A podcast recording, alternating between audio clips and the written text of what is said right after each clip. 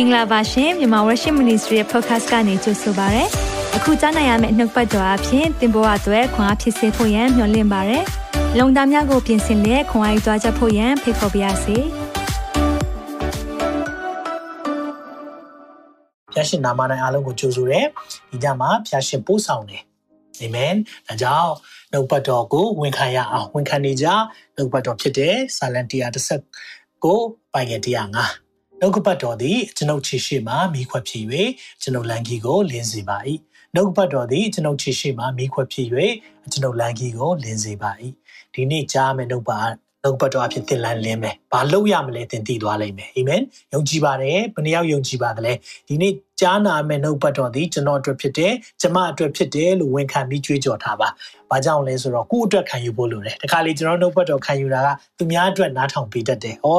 ရောက်ခမအတွက် ဒါကတော့သင်လူကြီးနဲ့ကြိုက်တယ်ဒါကတော့အိမ်သားတယောက်နဲ့ကြိုက်တယ်စသဖြင့်ကျွန်တော်တို့ကနှုတ်ပတ်တော်နားထောင်တဲ့အခါမှာကိုယ့်အတွက်ကိုယ့်ကိုဖျားပါစကားပြောတယ်ပြောသလဲဆိုတာကိုမခံယူဘဲနဲ့သူများအတွက်ကိုကျွန်တော်တို့ခံယူပေးတတ်တယ်သူများအတွက်စံစာဖတ်ပေးတတ်တယ်ကျွန်တော်တို့ကိုယ်တိုင်လည်းလုပ်ခဲ့တဲ့အရာတစ်ခါလေလုံးနေတတ်တဲ့အရာဖြစ်တယ်ဒါပေမဲ့ယုံကြည်ပါတယ်ဒီနေ့နှုတ်ပတ်တော်အဖြစ်ဘုရားကသင်ကိုစကားပြောပါစေအာမင်ခဏလောက်စက္ကန့်အနံ့ရအောင် အသက်ရှင်သောထာဝရမြတ်စွာသောဘုရားသခင်ဒီညအတွက်ကိုရောရဲ့ဂျေဇုတော်ကိုချီးမွမ်းတယ်ပို့ဆောင်ပေးတဲ့အရာအားလုံးအတွက်ကိုရောကိုဂျေဇုထူးတင်ပါတယ်ဒီနေ့ညမှာ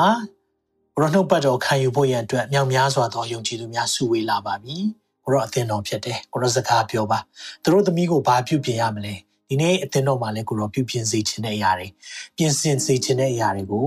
ဆက်လက်ပြီးစကားပြောသွားမှာဖြစ်တယ်အဲကြောင့်ကိုရောဆက်လက်လမ်းပြပါ အသင်းတော်ခုနှစ်ပါးလုံးလေ့လာတဲ့အခါမှာကျွန်တော်အသင်းတော်တွေအမိုင်းကြောင့်လေ့လာတာမဟုတ်ဘဲနဲ့ကျွန်တော်ရဲ့အသက်တာမှာဘာပြင်စရာရှိသလဲကိုရောသူတို့သမီးတိဟုတဲ့ကျွန်တော်တို့တွေဘာများပြင်ဖို့ရှိသလဲဆိုတာကိုတော့ဒီညမှာလည်းပြုပြင်ပါကိုတော့ဘာကြောင့်ယွန်ရှာတာလဲလော်ဒီကီအသင်းတော်ဘာကြောင့်ယွန်ရှာတာလဲကိုတော့ဒီနေ့မှာကျွန်တော်တို့စကားပြောပါဝိညာဉ်ရေးရလိုအပ်ချက်တွေကိုပြုပြင်နိုင်ဖို့ရအတွက်မာစားပါကျွန်တော်တို့ရဲ့ ပြင်ဆင်ထားတဲ့အရာအားလုံးဟာလည်းကိုရိုလက်ဝေပဲအပ်တယ်ဆက်များမှာစာရွက်အတန်လိုင်း internet line အားလုံးကိုကောင်းကြည့်ပေးတယ်နောက်ဆက်ပေးမဲ့ဝိညာဉ်ဆိုးရဲ့လို့ရအားလုံးယေရှုနာမ၌ပဲရှားတယ် ministry angels များကိုလည်းဒီနေ့မှာကြိုးဆိုတဲ့နေရာပေးတယ်တာရှင်တော်ဝိညာဉ်ဖျားဦးဆောင်လမ်းပြပါမိကြောင်းတပါးတယောသားရမီယေရှုနာမ၌စက္ကန့်နဲ့ဆုတောင်းပါ၏အာမင်အာမင်ဟုတ်ပြီကျွန်တော်တို့သင်တော်ခုနှစ်ပါးလေးလာတာဒါဒီတပတ်ဆိုရင်ဒါနောက်ဆုံးအသင်းတော်အကြောင်းပြောမှာဖြစ်တယ်ဆိုတော့ဒီညမှာလည်း Lordiki အသင်းတော် Leo the Seer လို့အင်္ဂလိပ်လိုတော့ပြောတယ်။နော်ဒီရဲ့အသင်းတော်တွေကဘယ်မှာရှိခဲ့လဲဆိုရင် Asia Minor လို့ခေါ်တဲ့ဒေသမှာရှိခဲ့တယ်။အခုချိန်မှာတော့တူရကီရှိနေတဲ့ဒေသဖြစ်တယ်နော်တူရကီနိုင်ငံရှိတဲ့ဒေသဖြစ်တယ်အခုချိန်မှာသွားလဲပတ်လို့ရတယ် ကဘာလဲခီးတဲ့တွေအခုချိန်လို့ပြောတဲ့ခါမှာတော့သွားလဲပတ်လို့ရတယ်ပြောတာပါနော်အခုချိန်ကိုဗစ်ကာလမှာတော့မရဘူးဒါပေမဲ့ကိုဗစ်ကိုဗစ်ကာလပြီးသွားပြီဆိုတော့ဒီနေရာတွေသွားလဲပတ်ပြီးတော့ကြီးစုချင်တယ်ဆိုရင်တော့လဲပတ်လို့ရတယ်ဆိုတဲ့အကြောင်းပြောပြချင်တယ်ဟုတ်ပြီဒီညမှာလည်းကျွန်တော်နှုတ်ပတ်တော်ကိုခံယူရအောင်ကျွန်တော်အသင်းတော်ခုနှစ်ပါးထဲမှာကျွန်တော်အသင်းတော်နာမည်တွေကိုတည်တည်ပေးထားတယ်နော်မြစ်တာမယ်အသင်းတော်ညင်းစေခံအသင်းတော်ပေးယူလုပ်တဲ့အသင်းတော် ဖောက်ပြန်တဲ့အသင်းတော်သိနေသောအသင်းတော်သစ္စာရှိသောအသင်းတော် ਨੇ ဒီနေ့မှာတော့ယွန်ရှာပွဲသောအသင်းတော်ဆိုတဲ့အကြောင်းကိုပြောသွားမှာဖြစ်တယ်။လော်ဒီကီအသင်းတော်အဲ့လော်ဒီကီအသင်းတော် ਨੇ ပတ်သက်ပြီးတော့အနေငယ် background လည်းပြောပြချင်ပါတယ်။မြို့ရဲ့နောက်ခံသမိုင်းကိုပြောပြမယ်ဆိုဒီမြို့ရဲ့နာမည်ကအရင်တော့လော်ဒီကီမဟုတ်ဘူး။သူ့ရဲ့မြို့နာမည်ကအာ Diospolis Diospolis လို့ခေါ်တယ်။ Greek မြို့ဖြစ်တဲ့အဓိပ္ပာယ်ကပါလဲဆိုတော့ City of Zeus City of Zeus ဆိုတာ Zeus နတ်ဖျားရဲ့မြို့လို့ပြောတာဆိုတော့ Zeus နတ်ဖျားဆိုတာကသူတို့ကကောင်းကင်ကိုအုပ်ချုပ်တဲ့ဖျားလို့သတ်မှတ်ထားတဲ့သူဖြစ်တယ်ဆိုတော့မိုးကြိုးတွေပြစ်နိုင်တယ်စသဖြင့်ပေါ့နော်ဒါသူတို့ရဲ့ Greek methodology ဆိုတာ Greek တွေရဲ့ယုံကြည်တဲ့အရာလေးတွေဖြစ်တယ်ဆိုတော့ဒီမြို့ကိုအာ City of Zeus လို့သတ်မှတ်ပြီးမြဲနောက်ပိုင်းမှာတော့နာမည်တွေတဖြည်းဖြည်းပြောင်းလာရင်းနဲ့နောက်ဆုံးမှာတော့ကျွန်တော်တို့သိတဲ့ Leo the Sea Lodiki မြို့ဖြစ်ကျွန်တော်သိတယ်ဆိုတော့ဒီမြို့ကစီးပွားရေးအချက်ချာကြားတဲ့မြို့လည်းဖြစ်တယ်ဒီမြို့ကစီးပွားရေးအချက်ချာပြတဲ့အပြင်ကိုအထည်အလိပ်လုပ်ငန်းနာမည်ကြီးတယ်ရွှေငွေပစ္စည်းတွေနာမည်ကြီးတယ်ဘဏ်လုပ်ငန်းတွေရှိတယ်နောက်ပြီးရစီးပွားရေးเนาะစီးပွားရေးနဲ့ပတ်သက်ပြီးတော့ဒီကုန်သွယ်ရေးအဓိကလမ်းကြောင်းရဲ့ လမ်းကြောင်းတစ်ခုပေါ်မှာတည်ရှိတဲ့မြို့ဖြစ်တဲ့အတွက်ကျွယ်ဝချမ်းသာတယ်အထူးသဖြင့်နာမည်ကြီးတာကမျက်စိပိုင်းဆိုင်ရာစေကူတာတဲ့စေဝါเนาะဆိုတော့မျက်စိနဲ့ပတ်သက်တဲ့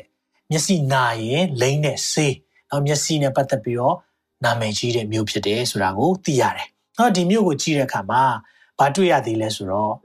သူတို့စီမှာဘလောက်ကြွယ်ဝချမ်းသာလဲဆိုတော့အားကစားကွင်းတကွင်းရှိသလို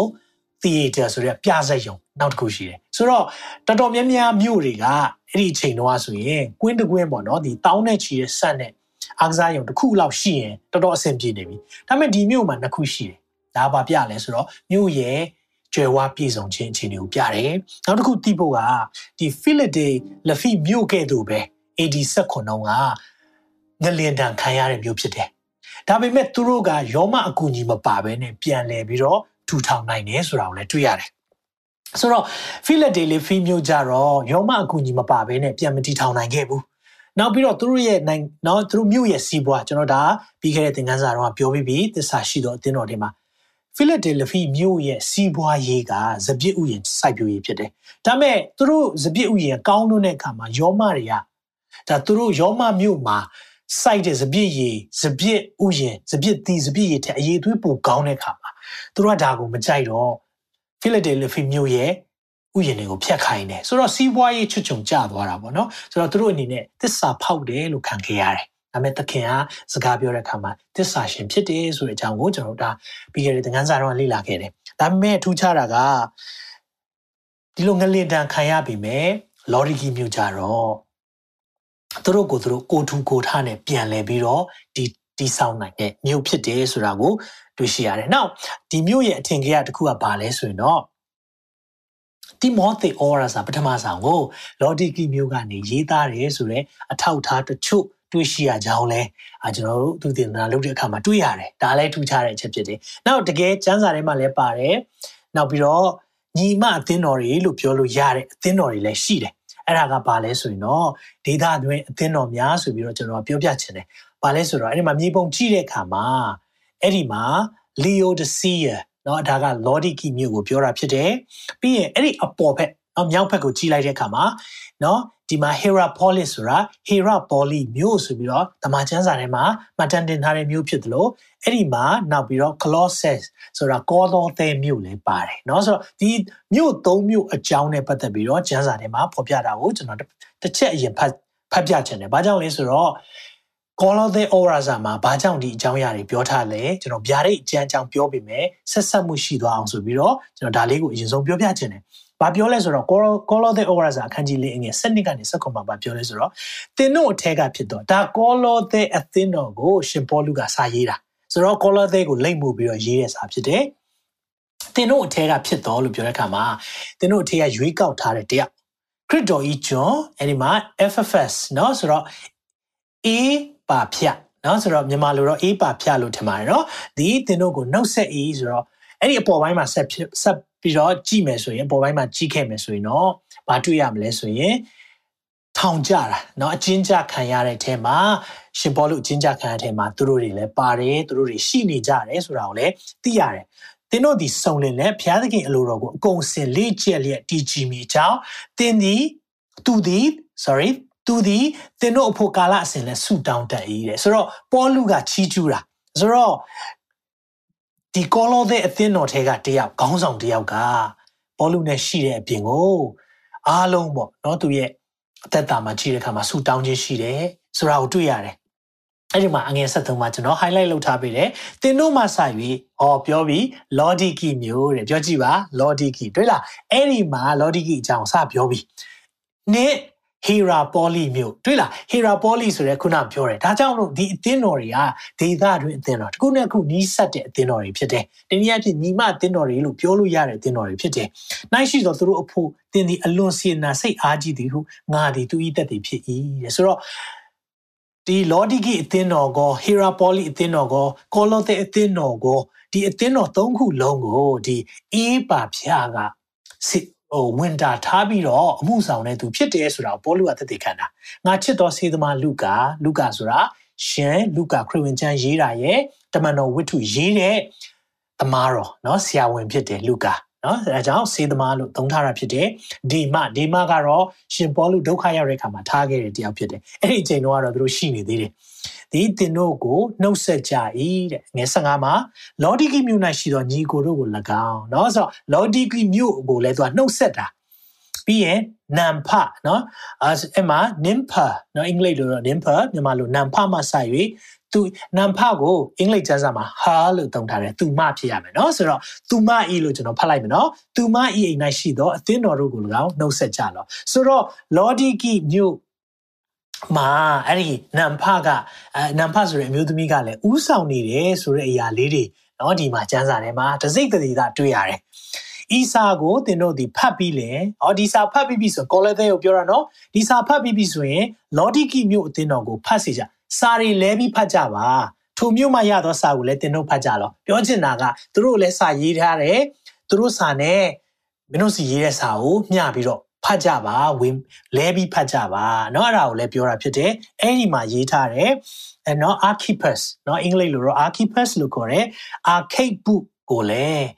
တင်ဒီဘုရားသခင်လက်တော်မှာခံရပြီးတော့ဓမ္မဆရာကြီးအမှုရာကိုပြည့်စုံခြင်းကတတိပြုပါဟုပြောကြလောတဲ့เนาะအဲ့ဒါကတော့ကောလောသဲအသင်းတော်ရဲ့ founder လို့အာတည်တဲ့တယောက်ဖြစ်တယ်เนาะ archaic book ကိုဒါသူပြောထားတယ် ဖခင်ရဲ့ဓမ္မမှုစာအရာမှာထားတယ်ဆိုတာကိုပြောတယ်ဆိုတော့ဒီရဲ့အကြောင်းလေးတွေကိုဘာကြောင့်ပြောပြလဲဆိုတော့ကျွန်တော်တို့နှုတ်ပတ်တော်လေ့လာတဲ့အခါမှာဆက်ဆက်မှုရှိတဲ့အခါမှာပို့ပြီးနားလဲတယ်ဆိုတော့ကောလောသဲအသင်းတော်နော်ပြီးရင်အခုလော်ဒီကီအသင်းတော်ရဲ့ဟေရာဘောလီနော်ဟေရာဘောလီအသင်းတော်အကြောင်းတွေကိုဒါရှင်ဘောလူကသူ့စာထဲမှာမှတ်တမ်းတင်ထားတယ်ဆိုတာကိုကျွန်တော်တွေ့ရတယ်နောက်တစ်ခုကကျွန်တော်ကြည့်တဲ့အခါမှာ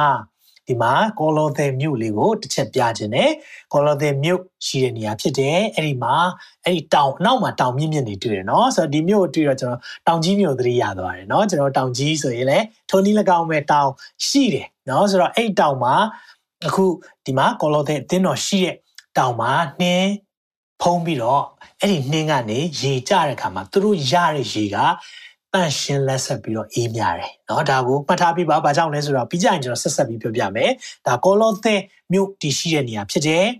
ဝါဒီနေရာလေးကိုကြည့်လိုက်ပါသူတို့ကဘယ်လိုတင်စားထားလဲဆိုတော့ဝါကွန်းရဲတိုင်းလို့တင်စားထားတယ်တွေ့လား castle လေးတွေเนาะ cotton castle of cotton လို့သူတို့သတ်မှတ်တဲ့နေရာဒါကြတော့ hera poly မြို့မှာရှိတဲ့ရေပူစမ်းအော်ရေပူစမ်းဆိုတော့တောင်ကြီးသားတွေသိမယ်ခေါင်တိုင်းเนาะဆိုတော့ကျွန်တော်ရေပူစမ်းဆိုတော့ လော်ဒီကီနဲ့ ဆက်ဆက်နေတဲ့မြို့လေးတွေမှာရေပူစမ်းတွေရှိတယ်။နော်ဒါက Hera Poly မှာရေပူစမ်းရှိတယ်ကြည့်ပါအောင်ဘယ်လောက်လှလဲ။အခုချိန်မှာသွားလဲပတ်မယ်ဆိုရင်တော့အဲ့ဒီရေပူစမ်းမှာရေကူးလို့ရတယ်ဆိုတာလည်းသိရတယ်နော်။ဆိုတော့ဒါ Hera Poly မြို့မှာရှိတယ်။ရာရေပူစမ်းလေးတွေကိုတွေ့ရတယ်။ဆိုတော့နှုတ်ပတ်တော်ကိုတွားရအောင်เนาะဒီဒီ Lordiki အသင်းတော်နဲ့ပတ်သက်ပြီးတော့ဗျာဒိတ်ကျန်အခန်းကြီး3အငယ် 14ကနေ22အထိတွေ့ရတယ်။ဒါမဲ့ကျွန်တော်ထုံးစံအတိုင်းပဲကျွန်တော်တကြောင်ချင်းတပိုက်ချင်းကိုနားလည်အောင်ရှင်းပြချင်ပါတယ်။ဖတ်ကြည့်ရအောင်14မှာလော်ဒီကီမြို့၌ရှိသောအသင်းတော်ဤတမန်ဒါပါပြောရလဲအသင်းတော်ရဲ့ပါစတာဒါမှမဟုတ်အသင်းတော်ရဲ့အုပ်ချုပ်သူအသင်းတော်မှာအမှုဆောင်နေတဲ့သူကိုပြောတာဖြစ်တယ်။ဤသို့ရေး၍မှာလိုက်လော။ဖျားသခင်ဤဝိနေယတတဝါတို့ဤအထွတ်သစ္စာရှိဟုတ်မှန်သောတသက်ခံအာမင်ဤအမိန်တော်ကအဲ့ဒီမှာသုံးထားတယ် highlight လေးလုပ်ထားပြီးတယ်။ ဘုရားသခင်ဤဝေနေယတတ္တဝါတို့ဤအထွတ်လို့ပြောတဲ့အခါမှာမိခွန်းကပါရှိလာတယ်ဆိုတော့သခင်ယေရှုကဖန်ဆင်းခံလားနောက်ဖန်ဆင်းခြင်းတတ္တဝါတွေရဲ့အထိတ်မှာရှိတယ်လို့ပြောတာဖန်ဆင်းခံလားဒါမှမဟုတ်ဖန်ဆင်းရှင်လားဒီမိခွန်းကရှိလာတယ်ဒါကြောင့်မလို့ဖြေရှင်းပေးပါမယ်သခင်ယေရှုဟာဖန်ဆင်းခံလုံးဝမဟုတ်ပါဘူးဖန်ဆင်းရှင်ဖြစ်တယ်ဒါဆိုရင်ဘာလို့ဝေနေယတတ္တဝါတွေရဲ့အထွတ်လို့ပြောတာလဲ first born လို့လည်းသုံးတယ်အဦးသီးလို့ဘာလို့သုံးတာလဲအဦးဆုံးသားဦးလို့ဘာလို့သုံးတာလဲအကြောင်းရှိပါတယ်ဒီပြေဩဝါဒစာအခန်းကြီး1အငယ်1နဲ့2မှာအဖြေပါပါတယ်ရှေးလွန်လေပြီးတော့အခါ prophet များအဖြစ်ဘိုးဘေးတို့အားထက်ထက်အနည်းနည်းဗျာဒိတ်ပေးတော်မူသောဖျားသခင်သည်ဤနောက်ဆုံးကာလအခါအဲ့မှာနောက်ဆုံးကာလလို့သုံးထားတယ်နော်ဒါလည်းထူးခြားတယ်မိမိသားတော်အဖြစ်ငါတို့အားဗျာဒိတ်ပေးတော်မူပြီး ထိုသားတော်ကိုအလုံးစုံတို့ဤအမွေခံသခင်အရာ၌ခံထားတယ်အလုံးစုံတို့ရဲ့အမွေခံဟုတ်ပြီနော်ဒါအမွေခံဖြစ်တယ်ဒီမှာလည်းသိမရှင်းဘူးဒါပေမဲ့သားတော်အဖြစ်လောကဓာတ်တို့ကိုတည်တယ်လောကဓာတ်ဆိုတာခုမြင်တွေ့နေရတဲ့အရာအားလုံး all creation creation ဖန်ဆင်းခြင်းဖန်ဆင်း ဖန်ဆင်းထားတဲ့အရာအားလုံးကိုဆိုလိုတာဖြစ်တယ်။သားတော်အားဖြင့်ဖြစ်တယ်တဲ့နော်သားတော်အားဖြင့်ဆိုသခင်ယေရှုအားဖြင့်ဒီအရာအားလုံးကိုဖန်ဆင်းတယ်လို့ပြောတာဖြစ်တယ်။နောက်ကျမ်းပိုက်တော်ကပေးပါမယ်။ကောလောသဲဩရစာအခန်းကြီး1အငယ်16မှာဒီလိုပြောတယ်အကြောင်းမူကားထိုသားတော်သည်ဘယ်သူလဲသခင်ယေရှုခရစ်ဖြစ်တယ်ကောင်းကင်ပေါ်မြေကြီးပေါ်၌ရှိသမျှသောယူပအရာ physical မြင်ယူပအရာလို့ပြောတဲ့အခါမှာထိတွေ့ကင်တွေ့လို့ရတဲ့အရာတွေပြောတာဖြစ်တယ်အာယူပဆိုတာမမြင်နိုင်တဲ့အရာတွေ ရာဇပလင်ဖြစ်စေအစိုးရတော်တကူဖြစ်စေအထွတ်အမြတ်ဖြစ်စေအာနာဇက်ဖြစ်စေခတ်သိမ်းသောအရာတို့ကိုဖန်ဆင်းတော်မူ၏ခတ်သိမ်းတဲ့အရာကိုထိုသားတော်ကဖန်ဆင်းတယ်တဲ့เนาะဒါကြောင့်မလို့သခင်ယေရှုဟာဖန်ဆင်းခံတတဝါမဟုတ်ပါဖန်ဆင်းရှင်ဖြစ်တယ်အာမင်ပြောကြည့်ပါသခင်ယေရှုသည်ဖန်ဆင်းခံမဟုတ်ပါဖန်ဆင်းရှင်ဖြစ်တယ်ဘာလို့လဲဝန်ခံပါဒီနေ့ဒီအရာနဲ့တချို့ဂိုင်းကနာတွေကွဲသွားတယ်ဒီအရာနဲ့ အာမယုံကြည်သူတွေအကြားထဲမှာလည်းအငင်းပွားမှုတွေဖြစ်တယ်ဒါပေမဲ့ယုံကြည်သူသားသမီးများခရိယန်နေနားလည်ဖို့လိုတယ်ခရစ်တော်သည်ဖန်ဆင်းခံမဟုတ်ဘူးဖန်ဆင်းရှင်ဖြစ်တယ်အာမင်ဒီမှာထပ်ပြီးပြောထားတယ်ထိုသခင်အားဖြင့်၎င်းထိုသခင်အဖို့အလို့ငါ၎င်းခတ်သိမ်းသောအရာတို့သည်ဖန်ဆင်းလျက်ဖြစ်ကြ၏အဲ့ဒီမှာစက်ခွန်မှာဆိုရှင်းရှင်းလင်းလင်းပြောထားပြီးပြီသားတော်သည်လည်းဘာတူလဲသခင်ယေရှုပဲပြောတာဖြစ်တယ်ခတ်သိမ်းသောအရာမဖြစ်မီ ဖြစ်တော်မူတယ်ဘာမှမရှိတဲ့အချိန်မှာဖြစ်တယ်တဲ့ခတ်သိမ်းသောအရာတို့သည်တကူတော်အဖြစ်သာတည်ကြတယ်ဒီနေ့ပြောချင်တာဖခင်ရဲ့နှုတ်တော်သခင်ယေရှုဆိုတာနှုတ်ကပတ်ဆိုတာဖခင်ရဲ့နှုတ်တော်ထွက်ဒါကြောင့်မလို့အဲ့ဒီနှုတ်တော်ထွက်အဖြစ်အလင်းဖြစ်စေအမောင်ဖြစ်စေเนาะပြောတဲ့အရာတွေနေဖြစ်စေလဖြစ်စေကြဲဖြစ်စေကုန်းဖြစ်စေ ဒီအရာတွေအားလုံးဖန်ဆင်းတဲ့အရာအားလုံးဒီဖရားရဲ့သားတော်အားဖြင့်နဲ့ဖရားရဲ့သားတော်ဖို့လူငါဖြစ်တယ်ဆိုတာကိုသိစေချင်တယ်အာမင်ဒါကိုကျွန်တော်တို့အရင်ဆုံးနားလည်ဖို့လိုတယ်ဟုတ်ပြီဒါကြောင့်မလို့ဆက်ပြီးတော့ကြည်အောင်အဲ့ဒီမှာလော်ဒီကီမှာအငယ်14ရဲ့နောက်ပိုင်းလေးသစ္စာရှိ၍ဟုတ်မှန်သောတတ်သိခံဆိုတာဘယ်သူဖြစ်မယ်ထင်လဲသခင်ယေရှုကိုပဲပြောတာဖြစ်တယ်အာမင်ရဲ့အမိန်တော်เนาะအာမင်ဆိုတာ God of Amen လို့လည်းဓမ္မဟောင်းကျမ်းစာမှာဖျားကိုခိုင်နိုင်ထားတယ်ပြောချင်တဲ့သဘောကဒါဖျားရဲ့စကားတော်ဖြစ်တယ်ဖျားရဲ့အမိန်ဖြစ်တယ်ဆိုတာကိုသိစေချင်တယ်ဟုတ်ပြီဒါဆိုရင်ကျွန်တော်အသင်းတော်အကြောင်းကိုခဏလောက်ကြည့်ရအောင်ဒီအသင်းတော်ကပြောရမယ်ဆိုရင်တော့စိတ်မကောင်းစရာပဲတခြားအသင်းတော်တွေမှာဖျားရဲ့ချီးကျူးစကားအရင်ဆုံးကြားတယ်ဖះရဲ့ချီကျူးစကားနဲ့နော်ပြောစရာရှိတဲ့အရာလေးတွေဖះရဲ့ဖះအတွက်လှုပ်ဆောင်တဲ့အရာလေးဖះအရင်ဆုံးပြောတယ်ပြီးမှလိုအပ်ချက်တွေပြောတယ် အော်ဖို့ကောင်းတာကဒီအသင်းတော်လော်ဒီကီအသင်းတော်ကချီကျူးစရာစကားတစ်ခွန်းမှမထွက်လာဘူးဝေါချီကျူးရမယ့်စကားတစ်ခွန်းမှမထွက်လာတဲ့အပြင်ဖះရဲ့ပြင်းထန်ဆုံးသောစကားတွေကိုမတန်တင်ထားတယ်ဒီအသင်းတော်ကိုပြောတဲ့စကားတွေအရင်ပြင်းထန်တယ်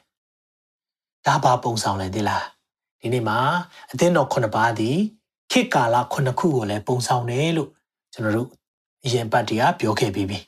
ဆိုတော့ ချီဆောင်ခြင်းကာလမတိုင်မီမှာရှိမဲ့အသင်းတော်လို့လည်းလူတွေကသတ်မှတ်ကြတယ်ပြောချင်တာပါလေအခုလက်ရှိမှာဖြစ်နေတဲ့အသင်းတော်တွေရဲ့ပုံရိပ်ကိုပြတဲ့အသင်းတော်ဖြစ်တယ်ဒီအသင်းတော်တွေကိုလော်ဒီကီအသင်းတော်ကဲ့သို့ပဲဖခင်ကပြင်းပြင်းထန်ထန်ဒီနေ့ညမှာကျွန်တော်တို့ကိုသတိပေးလိုက်မယ်ဒါကိုအရင်ဆုံးနားလည်ရအောင်ဒီနေ့ကျွန်တော်စကားမဟုတ်ပါဘူးသခင်ယေရှုခရစ်တော်ရဲ့စကားဖြစ်တယ်ဗျာဒိတ်ကျမ်းခန်းကြီး3ထဲမှာမှတ်တမ်းတင်ထားတဲ့စကားဖြစ်တယ် ဒီအသင်းတော်ကိုဘာကြောင့်သခင်ကငါကတွင်းကထွေးမယ်ယွန်ရှာဖို့ကောင်းတာเนาะဆိုတော့ကတွင်းကထွေးမယ် vomit အန်ဂျင်တယ်လို့ပြောတာအင်္ဂလိပ်လို vomit ဆိုတာအန်တာအန်ရလာအောင်သခင်ဘာလို့ဖျားနာသွားလဲဒီအသင်းတော်ကိုကြည့်ပြီးသခင်ဘာလို့ဒီလိုခံစားရလဲကျွန်တော်ဆက်ပြီးတော့လေ့လာရအောင်เนาะအဲ့မှာကြည့်တဲ့အခါမှာတင်းရင်ချင်းကိုငါသိပြီးတော့မပြောတော့ဘူးအရင်တင်းတော်တွေဆိုရင်တော့ တင်းရဲ့လှုပ်ဆောင်ခြင်းတွေအားထုတ်ခြင်းတွေဘာညာချီးကျူးစကားပြောသေးတယ်ဒီမှာတော့မရှိဘူးတင်းဒီအေးမဟုတ်အပူမဟုတ်ဒီကိုငါသိ၏အေးခြင်းဖြစ်စေပူခြင်းဖြစ်စေတခုခုကိုငါလိုရှိ၏ထို့သောအေးမဟုတ်အပူမဟုတ်နှွေးယုံရှိသောကြောင့်ငါဤခတွင်သည်တင့်ကိုထွေးလူပြီပြောကြည့်ပါငါဤခတွင်သည်တင့်ကိုထွေးလူပြီတဲ့ဒီဒီစကားကိုကြားတဲ့အခါမှာတော့ကျွန်တော်ဒါတော်တော်ပြင်းထန်တဲ့စကားပဲเนาะ ဒါပေမဲ့ကျွန်တော်တို့ကနားလည်ဖို့ကပါလဲဆိုတော့ဒီအသင်းတော်ရဲ့နောက်ကျောင်းရဲ့အဲ့ဒီဒေသတွင်းကအကြောင်းအရာတွေကိုနားမလည်ဘူးဆိုရင်ဘာကြောင့်သခင်သားကိုပြောတာလဲဆိုတာကိုနားလည်မှာမဟုတ်ခုနကကျွန်တော်တို့အသင်းတော်နဲ့ပတ်သက်ပြီးတော့ကျွန်တော်ဒေသတွင်းအသင်းတော်၃ခုရှိတယ်ဆိုတော့ကျွန်တော်ပြောခဲ့ပြီးပြီเนาะအဲ့ဒီထဲမှာ Herapolis အသင်းတော်ဆိုရင်ရေပူစမ်းရှိတဲ့အတွက်ရေကအရန်ပူတယ်ကောလောသဲအသင်းတော်ကြတော့နှင်းတောင်ကနေရေရတဲ့အတွက်အေးမြတယ် ဒါပေမဲ့ဂျားထဲမှာပျောက်နေတာကဘာလဲဆိုတော့လော်ဒီကီအသင်းတော်အဲ့ဒီလော်ဒီကီအသင်းတော်ကြတော့အေးလည်းမဟုတ်ဘူးပူလည်းမပူဘူးဆိုတာဘာကိုပြောချင်တာလဲဆိုတော့ဒီမြို့မှာအဓိကပြဿနာရေပြဿနာရှိတယ်ဆိုတော့ဒီအသင်းတော်ကရေပြဿနာရှိတဲ့အခါမှာအိမ်ချင်းမြို့တွေလို့နော်ရေပူစမ်းလည်းမရှိဘူးရေပူစမ်းကဘာကိုပုံဆောင်လဲဆိုတော့ပူနွေးခြင်းဟာကြမ်းမာခြင်းဖြစ်စေတယ်နော်ဆိုတော့အဲကြောင့်ရေပူစမ်းတွေကျွန်တော်သွားတဲ့အခါမှာ ကိုယ်ကကာယညောင်းညာတာအကျော်တွေနဲ့ပတ်သက်တဲ့အရာတွေကိုရေပူစိန်ပေးတယ်ဆိုရင်ကောင်းတယ်ဒါကြောင့်ဂျပန်နော်အခုဂျပန်ကရှိတဲ့အာဒီမြန်မာ worship ပရိသတ်တွေဆိုသိလိမ့်မယ်နော်ဂျပန်မှာဆိုရင်အလုပ်ပြီးတဲ့အချိန်မှာရေပူထဲမှာနော်သွားပြီးတော့ရေချိုးကြတယ်ရေနော်လောက်ကြတယ်ဆိုတာသိရနိုင်မယ်။ဘာကြောင့်လဲဆိုတော့အညောင်းညာပြည်တယ်ပြီးရင်အကျော်တွေအတွက်ကောင်းတယ်ကျန်းမာခြင်းဖြစ်စေတယ်။ထိုနည်း၎င်းပဲရေအေးကြတော့ရေခဲရေရတဲ့အေးမြတဲ့ဟာလန်းဆန်းခြင်းကိုဖြစ်စေတယ်။ နော်ဒါမဲ့ဒီနှုတ်ကပတ်တော်ကို unfortunately နော်အာတော်တော်များများကဘလို့တွင်တင်တတ်လဲဆိုတော့ဟုတ်ပြီသခင်ကပြောနေပြီ fire ဖြစ်ရင်ဖြစ်မဖြစ်ရင်လည်းမယုံနဲ့တော့ no no no no no အဲ့လိုပြောတာလုံးဝမဟုတ်ဘူးနော်သခင်ကအဲ့လိုပြောတာမဟုတ်ဘူးငါ့ကိုငါနောက်လိုက်မယ်ဆို fire ဖြစ်လိုက်တော့မဟုတ်ရင်လည်း ape လိုက်တော့အဲ့လိုပြောတာမဟုတ်ဘူး no no no ကျွန်တော်တို့တွင်တင်ချက်တွေတစ်ခါလေးမှာမာယွန်းစွာနော်နားမလည်တဲ့အခါမှာဒီလိုမျိုးလေးတွေမာယွန်းစွာတွင်တင်မိတတ်တယ်ဒါပေမဲ့ဒါကသခင်ကဘာပြောချင်တာလဲဆိုတော့အေးရင်လည်းအကျိုးရှိတယ် ပူနေလဲအကျိုးရှိတယ်ဒါပေမဲ့နွေးနေတာပြဿနာရှိတယ်ဆိုတော့ဘာကြောင့်လဲလို့ပြောတဲ့အခါမှာခုနကကျွန်တော်တို့ရေပိုက်ကိုတစ်ချက်သွားကြည့်ရအောင်ဒီမှာကြည့်လိုက်ပါအောင်ဒါ Lodiki ကရေသွယ်ရတယ်နော်ဆိုတော့သူတို့မြို့မှာရေအခက်အခဲပြဿနာရှိတဲ့အခါမှာအဲ့ဒီတောင်ဘက်ခြမ်းကနေ9မိုင်လောက်အကွာကနေရေတည်ရတယ်ဆိုပြီးတော့ကျွန်တော်တို့လေ့လာတွေ့ရှိရတယ်အဲ့ဒီမှာအပေါ်ဆုံးပုံကြည့်တဲ့အခါမှာသူတို့ရေပိုက်ကြီးနှစ်ပိုက်ပေါ့နော်အဲ့လိုမျိုးကြောက် ထုံးကြောက်တွေနဲ့အထဲမှာတကယ်မြေနဲ့လှုပ်ထားတဲ့ပိုက်တွေရှိတယ်။ဒါပေမဲ့အဲ့ဒီမြေနဲ့လှုပ်ထားတဲ့ပိုက်တွေကဘာတွေ့ရလဲဆိုတော့အခုပုံမှာကြည့်တဲ့အခါမှာထုံးကပ်နေတာတွေ့ရတယ်။နော်ဆိုတော့ calcium ထုံးဓာတ်အရန်များတယ်။ထုံးဓာတ်အရန်များတဲ့ရေဖြစ်နေတဲ့အခါမှာပိုက်ကကြီးကပ်လာတယ်။နော်ပိုက်ကထုံးပါလာတယ်။ဆိုတော့ဒါကနော်အခုတောင်ကြီးအဖွဲ့တွေသိလိုက်မယ်နော်ကျွန်တော်ငယ်ကလေးကကြီးလာတယ်ကျွန်တော်တောင်ကြီးသားဖြစ်တယ်။ တော့တောင်ကြီးနဲ့ပတ်သက်ပြီးတော့ကျွန်တော်တို့ကရေအကြောင်းပြောတဲ့အခါမှာဘာကြောင့်ပြောတာလဲဆိုရင်တော့တောင်ကြီးရေကထုံးကတ်တယ်လေထုံးကတ်တော့ကျွန်တော်တို့ရဲ့ရေတည်တဲ့ခရားကိုကြည့်လိုက်မယ်ဆိုရင်အမြဲတမ်းထုံးကျိုးတွေရှိတယ်နော်ဆိုတော့ထုံးကျိုးတွေရှိတဲ့ခါမှာကျွန်တော်အဲ့ရေကိုတည်ရတယ်ဒီတိုင်းတောက်လို့မရအောင်နော်တောင်ကြီးရေတောက်ဘူးတဲ့လူသိလိုက်မယ်ဘယ်သူတွေပိုသိလဲဆိုဧည့်သည်တွေနေရလာတာရန်ကုန်ကလာတာဧည့်သည်တွေတောင်ကြီးရေတောက်ပြီးရင်ဘာကြီးလဲဆိုဖြစ်သွားတယ်။ဘာကြောင့်လဲဆိုတော့အဲ့ဒီရေသာ ပူလည်းမပူဘူးအေးလည်းမမေးဘူးနွေးနေမယ်ဆိုရင်တောက်တဲ့လူတွေဟာခတွင်းကနေထွေးကျင်လာအောင်ရတာရှိတယ်။ဒါကြောင့်မလို့ဘာကြောင့်မလို့ဒီဟာပြောတာလဲဆိုရင်အရသာမကောင်းဘူးအနက်အရသာမကောင်းဘူးဒါကိုပြောပြချင်တာဖြစ်တယ်နော်။ဝိညာဉ်ထဲမှာ fire ဖြစ်ရင်ဖြစ်မဟုတ်ရင်တော့အေးလိုက်တာကောင်းတယ်အဲ့လိုပြောတာလုံးဝမဟုတ်ပါဘူးပြောချင်တဲ့အဓိပ္ပာယ်ကဘာလဲဆိုတော့ဝိညာဉ်ရေးရမှာ ကိုအားကိုကိုးပြီးတော့ဖယားကိုအားမကိုးခြင်းကိုဆိုလိုတာနွေးတယ်လို့ပြောတဲ့အခါမှာကိုအားကိုကိုးနေတယ်ဆိုတဲ့သဘောဖြစ်တယ်နော်ဆိုတော့ဘသူ့အတွက်မှအကျိုးမရှိဘူးဆိုတော့ဒီအသင်းတော်ကဘာကြောင့်ကိုအားကိုကိုတာလဲခုနကြည့်တဲ့အခါမှာသူတို့ကချမ်းသာတဲ့အခါမှာနော်ဒီမြို့မှာချမ်းသာကြွယ်ဝခြင်းတွေရှိတဲ့အခါမှာနော်ဆိုတော့အဲဒီမြို့ရဲ့ဝိညာဉ်ရေးရမှာလဲဖျားကိုလိုအပ်တာတဲ့ ဘာတွေလိုအပ်လာလဲဆိုတော့လောကအရာတွေဦးစားပေးလာတာကိုဖျားမကြိုက်တာဒါကိုဆိုလိုတာဖြစ်တယ်နော်ဒါကြောင့်မလို့အေး fire ဖြစ်ဖြစ်ဖြစ်ရင်တော့လဲအေးပလိုက်တော့ကျွန်တော်လည်းအရင်တော့အဲ့လိုမျိုးတက်တေတွေခံဘူးတယ်ဟောဘူးတယ်ဒါပေမဲ့တေးချာဒီရဲ့ဇက်ကြောင်းလေးတွေနောက်ခံသမိုင်းလေးတွေကိုလေ့လာလိုက်တဲ့အခါကျမှနားလည်လာတာတခုကပါလဲဆိုရင်တော့သခင်ကအဲ့လိုပြောတာမဟုတ်ဘူးဒီနေ့သူများအတွက်အကျိုးမရှိပဲအသက်ရှင်နေတာကိုပြောတာဖြစ်တယ်။ Now ဒီရဲ့ဘာနဲ့ပတ်သက်ပြီးတော့ဘာကို သခင်ကဆိုလိုတာလဲဆိုတော့ငါခတွင်းကထွေးမယ်လို့ပြောတဲ့အခါမှာ vomit လုပ်ချင်တယ်အန်ချင်တယ်ဒီရေကနော်ထုံးပါတယ်နော်ပြီးရင်အဲ့ဒီမှာသူတို့ပိုက်တွေတန်းပြီးတော့ရောက်လာတဲ့အခါမှာဘာဖြစ်သွားလဲဆိုတော့ရေကရေသွယ်ထားတဲ့နေရာကနေအဲ့ဒီမျိုးရောက်တဲ့အချိန်မှာနေရဲ့အပူရှင်ကြောင့်ရေကပိုက်ထဲမှာထုံးတတ်နဲ့ပူပြီးတော့နော်ရောက်လာပေမဲ့တကယ်ရောက်လာတဲ့အချိန်မှာတော့နွေးနွေးလေးပဲကျန်တယ် နော်ဒါတောက်တဲ့လူတွေကဘတော်မှအာသာမပြေတဲ့အပြင်ကိုဒီဒီဒီရေတောက်တဲ့ခါမှာအဆင်မပြေတာကိုတွေ့ရတယ် ဒါကအသင်းတော်ရဲ့ပုံရိပ်လေးကိုဒီအထူးသဖြင့်ဒီ logic အသင်းတော်ရဲ့ပုံရိပ်လေးတွေကိုလည်းမြင်တွေ့ရတယ်เนาะဒါကြောင့်မလို့ကျွန်တော်တို့ကနားလည်ဖို့ကပါလဲဆိုရင်တော့သခင်ကဒီအသင်းတော်ကိုဘာကြောင့်ဒီလိုစကားပြောတာလဲအကြောင်းရှိပါတယ်เนาะတစ်ခက်တစ်ခေါက်လောက်ပြန်ကြည့်ရအောင်เนาะဟုတ်ပြီဆိုတော့ဒီမှာ ဝိညာဉ်ရေးရပြဿနာလေးတွေရှိနေတယ်เนาะဆိုတော့ဒီမှာဗာပြောထားလဲဆိုတော့ထို့သောမဟုတ်အပူအေးလည်းမဟုတ်အပူမဟုတ်နှွေးယုံရှိသောကြောင့်ငါရဲ့ခတွင်ကထွေးလူပြီလို့လည်းသခင်ကပြောတယ်။နောက်ဖြည့်ရှင်းချက်ဖြစ်နိုင်တဲ့အရာလေးတစ်ခုကိုလည်းလေ့လာမိတယ်။အဲ့ဒါဘာလဲဆိုတော့အရင်တုန်းကဒီလိုအိမ်တွေမှာဧည့်ခံတဲ့လူတွေကဝိုင်း နဲ့ဧည့်ခံတတ်တယ်တဲ့နော်။ဝိုင်းနဲ့ဧည့်ခံတဲ့အခါမှာဝိုင်းအပူဒါမှမဟုတ်ရင်ဝိုင်းအေးလို့ပဲဧည့်ခံတယ်တကယ်၍ဝိုင်အနွေးနွေးနွေးလေးအဲခံနေဆိုရင်ဒါကဧည့်သည်ကိုစော်ကားတာနဲ့အတူတူပဲဆိုတော့ဒီလိုမျိုးအာလိလာတွေ့ရှိချက်တွေလည်းတွေ့ရတယ်။ဒါကြောင့်မလို့ဖြစ်နိုင်ခြေရှိတာဘာကြောင့်မလို့ဧည့်သည်လို့ခံစားရတာလဲ။သခင်ကဒီအသင်းတော်မှာ အိမ်ရှင်လို့မခံစားရအောင်ဧည့်သည်လို့ခံစားနေရတယ်။ဘာကြောင့်လဲဆိုတော့ဒီအသင်းတော်ဟာသခင်ကိုအိမ်ပြင်ထုတ်ထားတာ။သူ့အိမ်မှာကိုအိမ်ရှင်ကိုမထားဘဲနဲ့အိမ်ပြင်ထုတ်ထားတာပြီးကြရင်ဒီအရာလေးတွေလည်းကျွန်တော်တို့လေ့လာမယ်။ဒါကြောင့်မလို့လေ့လာတဲ့အခါမှာအခုမြန်မာ culture မှာဆိုပါရှိလဲเนาะကျွန်တော်တို့ agent အေးတဲ့အရာတွေရေခဲရေခဲစိမ်အေးအေးတွေเนาะပူတဲ့အချိန်မှာဒါတွေတောက်ကြတယ်ဒါမှမဟုတ်ရင်เนาะအာကျွန်တော်တို့ ရေနွေးချမ်းတွေတောက်ကြတယ်เนาะပူပူလေးတောက်ကြတယ်ဒါမျိုးတောက်ကြတယ်ဒါပေမဲ့နွေးယုံလေးကတော့တိတ်ပြီးတော့မတောက်ကြဘူးသူသဖြင့်ရေမတန့်တဲ့အရာထုံးတတ်ပါလဲရေတွေဆိုရင်တောက်တဲ့အခါမှာအခက်အခဲအများကြီးရှိတယ်ဆိုတဲ့အရာကိုသခင်ကခိုင်းနိုင်ပြီးတော့ဒီမြို့သားတွေကိုစုံမတဲ့အခါမှာသူတို့မြင်တွေ့နိုင်မဲ့အရာနဲ့ပြောလိုက်တာဖြစ်တယ်နော်။အဲကြောင့်ကျွန်တော်တို့စက်ကြည့်အောင်အဲ့မှာကြည့်တဲ့အခါမှာလော်ဒီကီရဲ့ ဝိညာဉ်ရေးရပြဿနာလေးရှိတယ်၅ခုတောင်ရှိတယ်ဒါကြောင့်မလို့ကျွန်တော်နည်းနည်းတော့များတယ်ဒါပေမဲ့ကျွန်တော်တို့တွေသွားရအောင်เนาะဆိုတော့ဝိညာဉ်ရေးရမှာအဓိကပြဿနာတွေရှိနေတယ်ဒီမျိုးကဘာတွေရှိနေလဲဝိညာဉ်ရေးရပြဿနာလေးတွေခဏလောက်ကြည့်ရအောင်เนาะဟုတ်ပြီအဲ့ဒီမှာပြောထားပြီအငယ်ဆက်ခွန်မှာပြောတယ်။သင်ကလည်းငါဒီဥစ္စာရတတ်၏ဗန္နာများကိုစီးပူပြီးတစုံတစ်ခုကိုမြမလို့ ဝေါ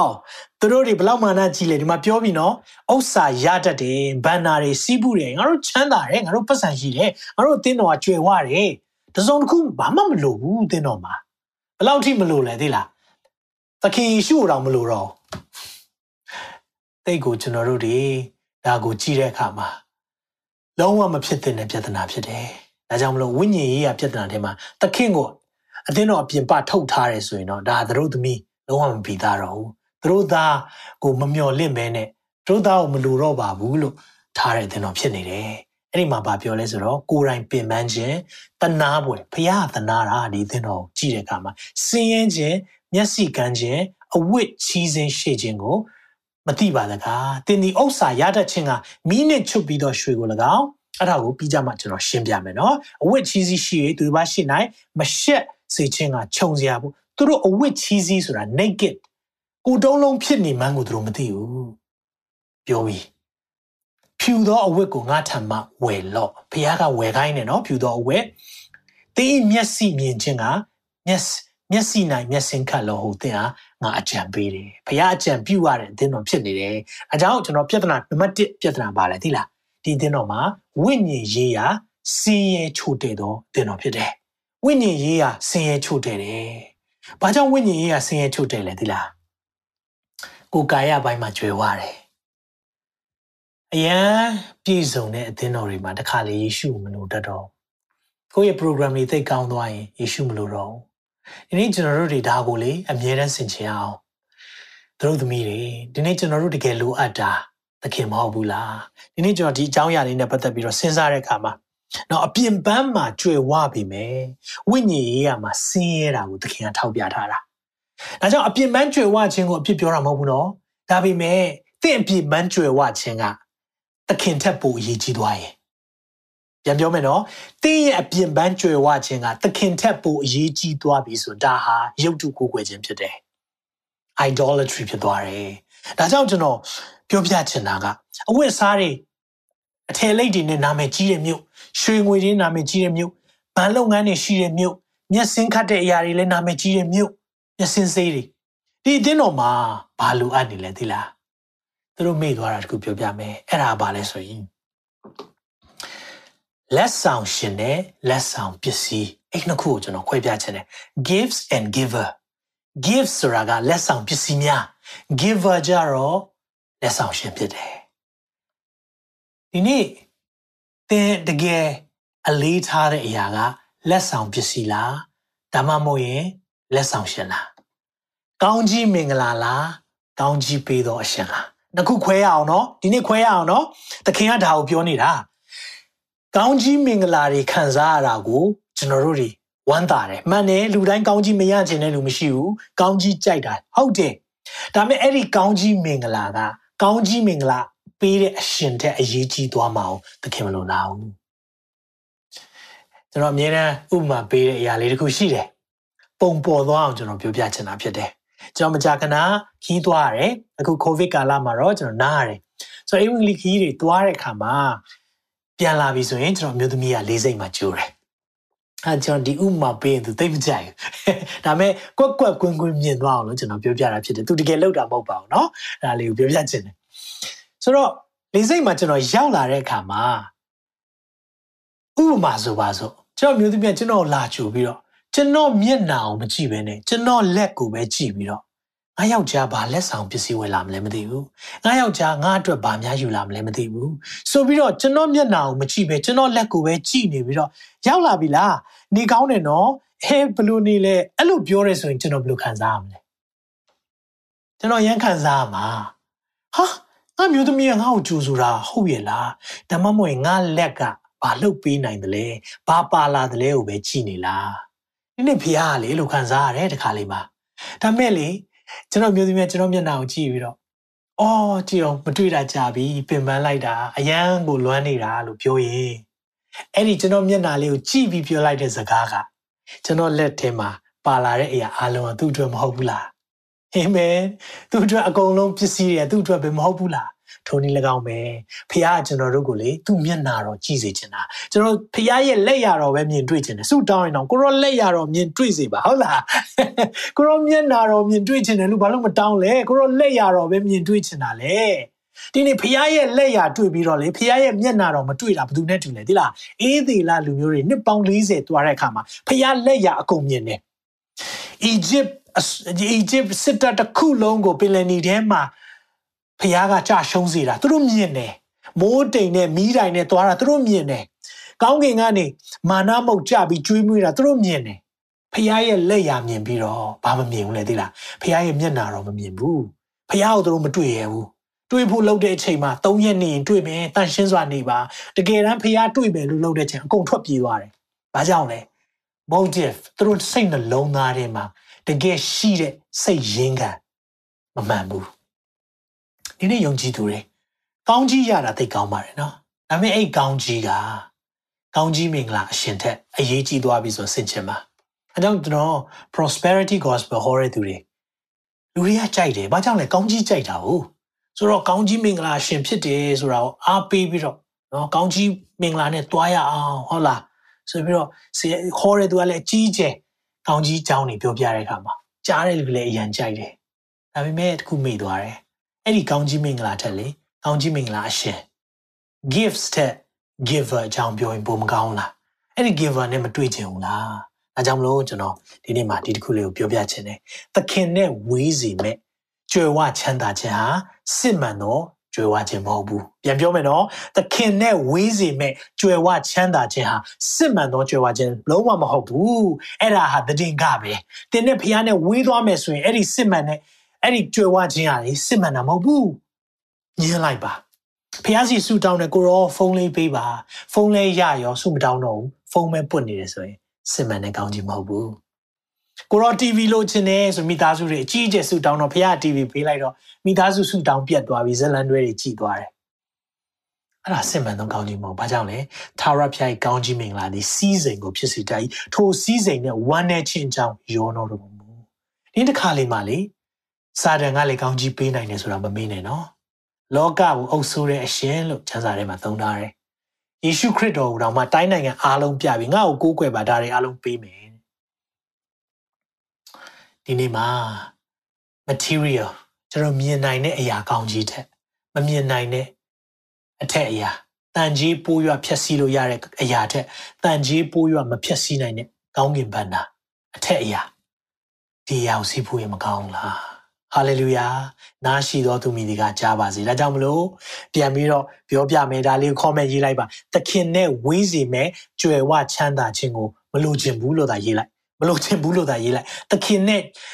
ဝေးစေမဲ့ကြွယ်ဝချမ်းသာခြင်းလုံးဝမလိုချင်ဘူးလို့ရေးလိုက်ပါ။ဘာကြောင့်လဲ။သင်ရဲ့ဝန်ခံခြင်းဖြစ်တယ်။ဒီနေ့အဲကြောင့်မလို့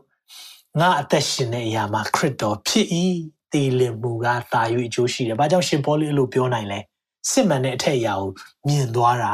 ။ဒါကြောင့်ကျွန်တော်ဒီနေ့မှာပြောပြချင်တယ်ခွန်အားပေးချင်တယ်လော်ဒီကီအသင်းတော်ကအပြင်ပန်းတိတ်ကြွယ်ဝတယ် LV တွေဝတ်တာဂူချီတွေနဲ့သွားတာ ဟုတ်လားခပတ်ကြီးမှာဟီးနေတာပဲအဝေးကလမ်းကြည့်လိုက်ဒါပေမဲ့တစ္ဆာတီးဟူသောခပန်းမရှိဘူးဖြစ်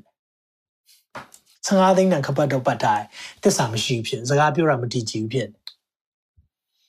ဒါတွေကိုကြည့်တဲ့အခါမှာနားလည်စေချင်တယ်ဖခင်တကျွန်တော်တို့ကိုတကယ်ဖြစ်စေချင်တာကသူနဲ့ယဉ်နေခြင်းဖြစ်တယ်ဟာလေလုယာ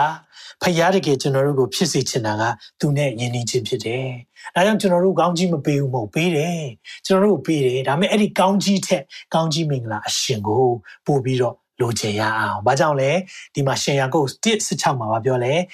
ငါချစ်တော်ညီကိုတော့အလွဲမြူကြနဲ့ကောင်းမြတ်ဆုံးရင်သောစုကျေးဇူးရှိသမျှတို့ကဘယ်လာလဲဆိုတော့အလင်းတို့၏ဘာထံတော်ကတက်ရောက်ပြီးဖြစ်၍အထက်ရမှလာကြ၏ထိုအဘသည်ရွေလျော့ဒိန်ရင်ခြင်းမရှိ ပြောင်းလဲခြင်းအရေးနဲ့ကင်းလွတ်တော်မူ၏ဖယားမပြောင်းကျွန်တော်တို့ကအိတ်ဖောင်းတော့စိတ်ပြောင်းသွားတာဟုတ်လားအိတ်ဖောင်းတော့စိတ်ပြောင်းတယ်ကျွန်တော်အစဉ်ပြေလာတဲ့ခါမှာအရင်တော့မိသားစုကိုယ်ကွယ်ခြင်းတွေမရှိလာတော့ဘူး ဒါဆိုရင်ကျွန်တော်တို့ဆင်ခြင်အောင်ဒီညမှာဒီနေ့ဖယားဖြစ်စေခြင်းနဲ့အသင်းတော်သူတို့သမီးဘာပြင်ဆင်ရမလဲဖယားနဲ့အချိန်ယူခြင်းပြင်ဆင်ပါလောကအရာကုံဆုံးသွားမှာပဲအဲ့လိုပြောလို့ရှိသမျှတွေအကုန်ပြေးပေးဖြစ်ပါရှိသမျှတွေအကုန်လုံးအဲ့ဒါကိုပြောတာမဟုတ်ပါဘူးသင်ဖယားကောင်းကြီးတွေကိုအသုံးချတတ်ဖို့လိုတယ်ဖះနဲ့ယဉ်နီးစွာသုံးတတ်ဖို့လိုတယ်အာမင်။ဘာကြောင့်လဲသိလား။ကောင်းကြီးမင်္ဂလာစီးစိမ်ချမ်းသာကြွယ်ဝခြင်းရဲ့ ဥစ္စာရှိခြင်းတွေရဲ့နောက်ပြီးကြော်ကြားခြင်းကလေဘာနဲ့တူလဲဆိုတော့မှန်ဘလူးနဲ့တူတယ်။လူတစ်ယောက်ရဲ့ရှိပြီးသားကိုလေပုံကြီးချက်ပေးတယ်။ဥပမာရက်ရောတဲ့သူတစ်ယောက်ကောင်းကြီးရှိလို့ချမ်းသာလာရင်လေပိုရက်ရောတယ်။ဆင်းရဲတဲ့တစ်ယောက်နော်ဆင်းရဲတယ်လို့ပြောတဲ့အခါမှာဥစ္စာမရှိဘူးဒါပေမဲ့နှလုံးသားမမှန်တဲ့တယောက်ကလေကက်စီနဲတယ်ဆိုရင်လေချမ်းသာလာရင်လည်းကက်စီနေတာပဲ။ဘာကြောင့်လဲပို့ပြီးပေါ်လာတယ်။ နောက်မြင်တွေ့တဲ့အခါမှာဖခင်ကျွန်တော်တို့ဖြစ်စေချင်တာပါလေ။ဝိညာဉ်ရေးရမှာချိုးတဲတယ်မဖြစ်စေချင်ဘူး။ကိုယ်ကာယချမ်းသာကြွယ်ဝတာကျွန်တော်ဖြစ်မပြောပါဘူး။တင်ရှိတာသိကောင်းပါတယ်။ဖခင်နိုင်ငံတော်ထဲမှာတင်အများကြီးလှုပ်ဆောင်လို့ရတယ်။အာမင်။ဒါကြောင့်မလို့ဒီနေ့စစ်မှန်သောကောင်းကြီးကိုရှာရအောင်ဟုတ်ပြီနံပါတ်1အချက်ကိုသွားရအောင်ဒီအသင်းတော်ရဲ့ဒုတိယပြဿနာပါလဲဆိုရင်တော့ဝိညာဉ်ပိုင်းဆိုင်ရာမှာအဝတ်ချီးစီးရှိတယ်ဝိညာဉ်ပိုင်းဆိုင်ရာမှာအဝတ်ချီးစီး naked ဖြစ်နေတာ naked ဖြစ်နေမှမသိဘူးဒီနေ့အပြင်လူအလှဆင်ဖို့လိုသလိုအတွင်းလူလည်းအလှဆင်ဖို့လိုတယ်အပြင်လူလှနေဖို့ပဲမဟုတ်ပဲねအတွင်းလူကြံခိုင်ဖို့လည်းလိုတယ်ဆိုတာကိုနှုတ်ဘတ်တော်ထဲမှာတွေ့ရတယ်ဒါကြောင့်မလို့ဘာကိုယူတင်ဝတ်ဆောင်တင်တယ်လဲကျွန်တော်တို့အဝတ်လေးတွေစားလှလှလေးတွေဝတ်တာမကောင်းပြောပါဘူးကောင်းပါတယ်ဒါတွေကရှိသင့်ပါတယ်เนาะဒါပေမဲ့ဒီအဝတ်စားအတွက်ပဲเนาะအရန်အရန်ကိုဦးစားပေးသွားပြီဆိုရင် တင်းတင်းရဲ့ဝင်ဝင်ကြည့်လိုက်ပါတင်းရဲ့အတုံးဆုံးကသုံးနဲ့နေရာအများဆုံးကဘယ်နေရာလဲကြည့်လိုက်ပါအဲ့ဒါတော်တော်များများတင်းရဲ့နှလုံးသားရှိတဲ့နေရာဖြစ်နေတတ်တယ်တင်းဘယ်နေရာအတုံးများဆုံးလဲကြည့်လိုက်ပါလောင်စားမှာလားအစားတောက်မှာလားဒါမှမဟုတ်ရင်ဝတ်စားမှာလားနော်တချို့ဆိုရင်ဖနက်ဖနက်တိတ်ကြိုက်တယ်နော်ဖနက်ပေါင်းမြောက်များစွာစီးကြတယ်ဒါတွေအများကြီးလိုအပ်သလားနော်ကြီးတဲ့အခါမှာဖျားလိုချင်တာက အတွင်းလူကိုတစားစင်စေချင်တာအတွင်းလူကိုအဝတ်ဝတ်စေချင်တာအပြင်လူဒီပြတ်သုံးသွားမဲ့ကိုခန္ဓာဘလောက်ပြင်ပြင်အိုသွားတာပဲတွန့်သွားတာပဲဟုတ်တယ်နော်သပင်းနေဖြူလာမှာပဲဒါပေမဲ့အတွင်းလူဆိုတော့ဝိညာဉ်လူကိုတစားဆင်ဖို့လိုတယ်ဒါဆိုဘယ်လိုတစားဆင်မလဲနှုတ်ဘတ်တော်နဲ့ကြည့်အောင်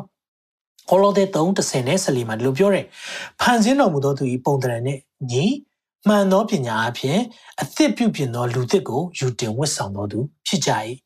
လူသစ်ယူတင်ဝတ်ဆောင်အောင်မယ်တဲ့စကြည်အောင်ထိုဖန်ဆင်းပြုပြင်တော်မူသောယာ၌ဟေလသလူဟေလသဆိုတာ Greek လူမျိုးကိုပြောတာဖြစ်တယ်ယူဒလူဆိုတာ Jew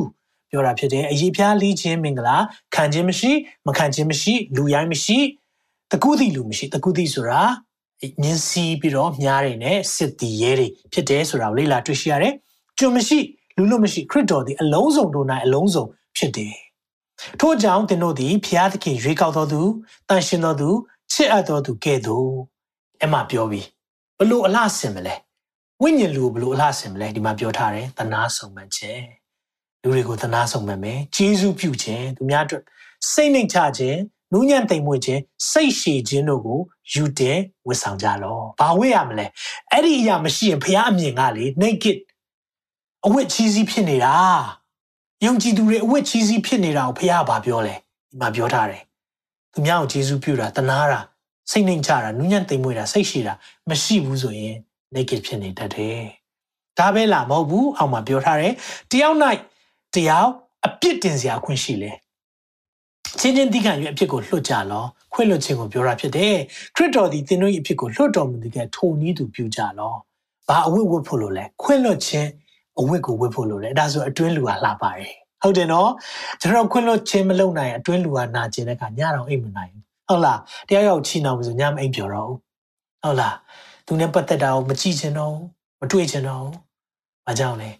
အထဲကခွင့်လွတ်ခြင်းဝတ်လုံကိုမဝတ်တဲ့အခါမှာအတွင်းလူဟာအလားပါတော့ဒါကိုတွေ့ရတယ်အဲ့ဒါပြီးရင် နောက်ဆုံးမှာစုံလင်ခြင်းအဖွဲ့အစည်းတည်ဟူသောစုံလင်တဲ့အရာပါလဲဆိုရင်တော့တဲ့ချစ်ချင်းမြတ်တာကိုထပ်၍တစ်ထပ်တည်းမဟုတ်ထပ်ပြီးတော့ဝတ်ခိုင်းတယ်ချစ်ချင်းမြတ်တာကိုထပ်၍ယူတင်ဝတ်ဆောင်ပါအဲကြောင့်မလို့ယုံကြည်သူများတဲ့အတွင်းလူကိုအဝတ်မဝတ်ပေးဘူးဆိုရင်အတွင်းလူမှာတစားမစင်ဘူးဆိုရင်တင့်ကိုဖះဘယ်လိုမြင်လဲဆိုရင် naked ကိုတုံးလုံးဖြစ်နေတယ်လို့မြင်တယ်အဲကြောင့်ဒီအသင်းတော်မှာရှိတဲ့လူတွေကလော်ဒီကီမှာအသင်းတော်က တင်းသူတင်းသားတွေဖះဘာမြင်လဲဆိုအဝတ်ချီးစီးဖြစ်နေတယ်လို့မြင်တယ်အဲကြောင့်ကျွန်တော်တက်တာမှာခန္ဓာကိုယ်လှပအောင်အဝတ်စင်တာအပြစ်မပြောပါဘူးဝတ်ပါဒါပေမဲ့အဲ့ထက်ကြီးတဲ့အဲ့ထက်အရေးကြီးတဲ့အဝတ်ရှိတယ်အဲ့ဒါကအတွင်းလူဝိညာဉ်လူကိုတစားဆင်ပေးပါလို့တိုက်တွန်းပါတယ်ဟုတ်ပြီနော်ဆက်ကြည့်အောင်တတိယဝိညာဉ်ရေးပြဿနာပါလဲဆိုတော့ဝိညာဉ်မျက်စိကန်းတယ်ဒီမြို့မှာခုနကျွန်တော်လေ့လာတဲ့အခါမှာဘာတွေ့ရလဲဆိုတော့ နော်ဒီမြို့က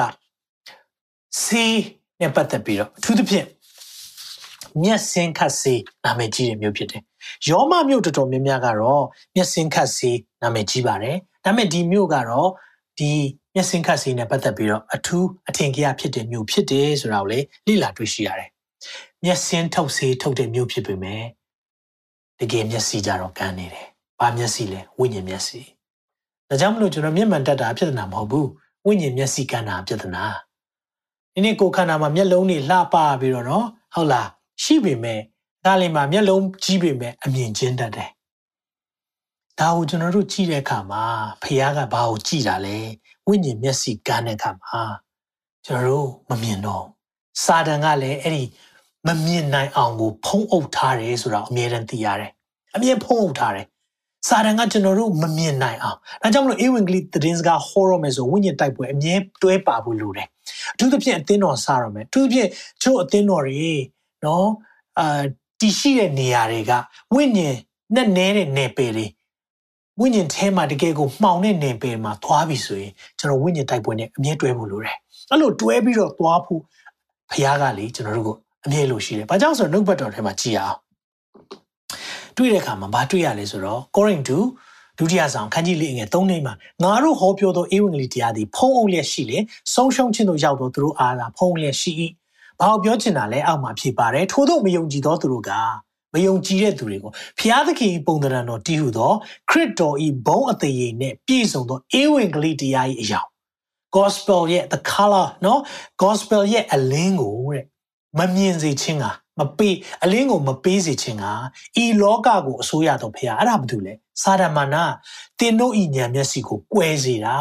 ဒါကြောင့်မလို့ကျွန်တော်တို့ဖခင်ကကျွန်တော်တို့ကိုအလင်းရခြင်းရစေခြင်းနဲ့ဒါပေမဲ့လော်ဒီကီအတင်းတို့တင်သားတွေဘာဖြစ်နေလဲအလင်းမရအောင်မျက်စိကမျက်စိစေးနဲ့တို့အယမ်းကိုကာယမျက်စိပြင်တယ်ဝိညာဉ်မျက်စိကဏ္ဍဒီနေ့ဝိညာဉ်မျက်စိကမ်းပြီဆိုသွားပြီ အမြင်ကျင်းပြီဆိုသွားပြီကျွန်တော်အတွေးခေါ်တွေကျင်းပြီဆိုသွားပြီဒီဖခင်ကဘာဖြစ်စေချင်လဲဆိုတော့ဝိညာဉ်မျက်စိကုသစေချင်တယ်မျက်စင်ခတ်ပါတနည်းအားဖြင့်ဘာကိုပြောတာလဲဖခင်နှုတ်ကပတ်တော်နဲ့ပဲ မျက်စင်ခတ်ဖို့လိုတယ်ဒီနေ့နှုတ်ကပတ်တော်ကသာကျွန်တော်တို့အလင်းပေးတယ်ဒါကြောင့်နှုတ်ကပတ်တော်သည်အကျွန်ုပ်ခြေရှိမှမိခွက်ဖြစ်၍အကျွန်ုပ်လမ်းကြီးကိုလင်းစေတယ်ဝိညာဉ်အလင်းလင်းဖို့ကနှုတ်ကပတ်တော်ပြင်ဆင်ပါမိတ်ဆွေများဒီနေ့ယုံကြည်သူများသခင်ပြန်လာတော့မယ်ကျွန်တော်နှုတ်ကပတ်တော်ဖတ်ယူဖတ်ရှုခြင်းလေ့လာခြင်းမှတ်သားခြင်းတွေအမြဲလိုအပ်တယ်ဆိုတော့ဒီနေ့ပြောပြခြင်းတယ်အာမင်။အဲကြောင့်မလို့ဒီနေ့နှုတ်ကပတ်တော်မှာခံယူကြတဲ့သားသမီးတွေဖျားရှင်ကောင်းချီးပေးပါစေ။အာမင်။ ဒီနေ့လော်ဒီကီအသင်းတော်မျက်စင်ခတ်လိုက်ပါအောင်ဝိညာဉ်မျက်စိကွယ်နေတယ်ဝိညာဉ်မျက်စိအလင်းလင်းဖို့ဟာဖခင်ရဲ့နှုတ်ပတ်တော်နဲ့ပဲသွားဖို့လိုတယ်ဆိုတာကိုခွန်အားပေးခြင်းနဲ့နောက်တစ်ချက်ကြည့်အောင်ဝိညာဉ်ရေးရမှာအပေးယူလုပ်တယ်လောကအရာတိတ်ကြိုက်တဲ့အခါမှာဝိညာဉ်အရာတွေကိုမဆွဲလန်းတော့ရွှေငွေရှိတယ်ဖခင်ကိုယ်တိုင်ကပြောတယ်ငါတို့ဥစ္စာရတယ်ငါတို့ကြွယ်ဝတယ်လို့ပြောပြီမယ် တကယ်တမ်းမင်းတို့လိုတဲ့အရာဝယ်အောင်တော့တဲ့ဘာတွေဖះဝယ်ခိုင်းလဲဒီမှာကြည့်အောင်နော်ဖះဟုတ်ပြီဒီလိုပြောလိုက်တာမင်းတို့ပတ်စံရှိတိုင်းဝယ်လို့ရတယ်ဆိုရင်ဒါတွေကိုငါစီရဝယ်ပါတဲ့ရပါပြောလဲတင်ဒီဥစ္စာရတတ်ခြင်းကမီးနဲ့ချွတ်ပြီးတော့ရွှေဘာဟုတ်ပြောတာလဲမီးနဲ့ချွတ်ပြီးတော့ရွှေတန့်တန့်စင်တဲ့အရာဒီရွှေကမီးနဲ့ချွတ်မှဆိုတော့ဒီရွှေကိုအပူဒီဂရီ2000လောက်ပေးလိုက်ရင်ပျော်သွားတယ် ဒါပေမဲ့အဲ့လိုရွှေအရေစပြောတဲ့အခါမှာရွှေစစ်က24ပဲရေရှိတာပေါ့နော်ဆိုတော့အာဩစတြေးလျနိုင်ငံမှာဆိုရင်တော့ရွှေတွေကတိတ်ပြီးတော့အာဘူကြိုက်ရွှေလို့ပြောတာပေါ့နော်တိတ်ပြီးတော့မလှဘူးမြန်မာကြိုက်တွေကတော့ပိုဝါတယ်တနည်းအားဖြင့်ရွှေကပိုပြီးတော့စစ်မှန်တယ်နော်ဆိုတော့ရွှေစစ်ပြီဆိုရင်ရွှေကအမြဲပျော့တယ်နော်ဆိုတော့ ပျော့ပြောင်းတယ်အဲကြောင့်မလို့တို့မာပြီးဟေ့ဆိုရင်ကိုကိုလက်စွပ်တွေကင်ကြည့်ပါအယမ်းမာနေဆိုတာအစစ်သိမ့်မဟုတ်ဘူးအစစ်မဟုတ်လို့ပြောတဲ့အခါမှာရောတာများတာကိုပြောတာဖြစ်တယ်နော်ဆိုတော့တခြားတတ်တူရောထားလို့မာသွားတာတကယ်ရွှေအစစ်ဆိုရင်ပျော့ပြောင်းတဲ့သဘောရှိတယ်ထုံနည်း၎င်းပဲကျွန်တော်ရဲ့အသက်တာမှာမာနေသေးတယ်နှလုံးသားမာကြောနေသေးတယ်မတောင်းပန်ခြင်းဘူးမခွင့်လွှတ်ခြင်းဘူးဟုတ်လားဖခင်တရားနဲ့ပတ်သက်ပြီးတော့မလိုက်လျှောက်ခြင်းဘူးဆိုတာဒါမာကြောခြင်းဒါဆိုရင်ဘာနဲ့လို့လဲ မီးနဲ့စစ်ဖို့လိုတယ်တခါလေမီးနဲ့စစ်တဲ့ခါမှာတော့လေပူလောင်လိမ့်မယ်နာကျင်လိမ့်မယ်ဒါပေမဲ့တင့်အထေကနေလေမတန့်စင်တဲ့အရာထွက်လာတယ်အခုဒီရွှေကိုအပူချိန်ဒီဂရီ2000နဲ့ရှို့ကြည့်လိုက်ရင်ဒီထဲမှာထည့်ထားတဲ့တခြားတတ်တူတွေကအပေါ်အရင်တက်လာတယ်အဲ့ဒါကိုအရင်ဖယ်လိုက်လို့ရတယ်ပြီးမှရွှေတန့်စင်တာဒါကိုဘုရားပြောပြတာပြောချင်တဲ့သဘောကပါလေကျွန်တော်တို့ရဲ့အသက်တာကိုဘုရားတန့်ရှင်းစင်ကြယ်စေခြင်းနဲ့ Amen holy people set apart တီးတန့်ဖယ်ထားပါမိတ်ဆွေရဲ့တက်တောင်ဖေးကတီးတန့်ဖယ်ထားစေခြင်းနဲ့ဘာနဲ့မှမရောပါနဲ့ဒီနေ့တော့ဟုတ်လားအယိုးဖယ်အသားအစာအမျိုးမျိုးကြားဘူးတယ်ဟုတ်လား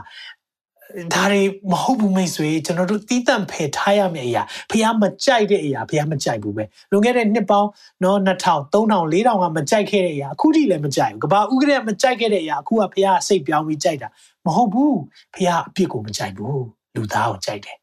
လူကြတော့ဗာကြိုက်လဲအပြစ်ကိုကြိုက်တယ်လူသားကိုမကြိုက်ဖះနဲ့ကျွန်တော်တို့ဆန့်ကျင်ဖက်ဖြစ်နေတာနော်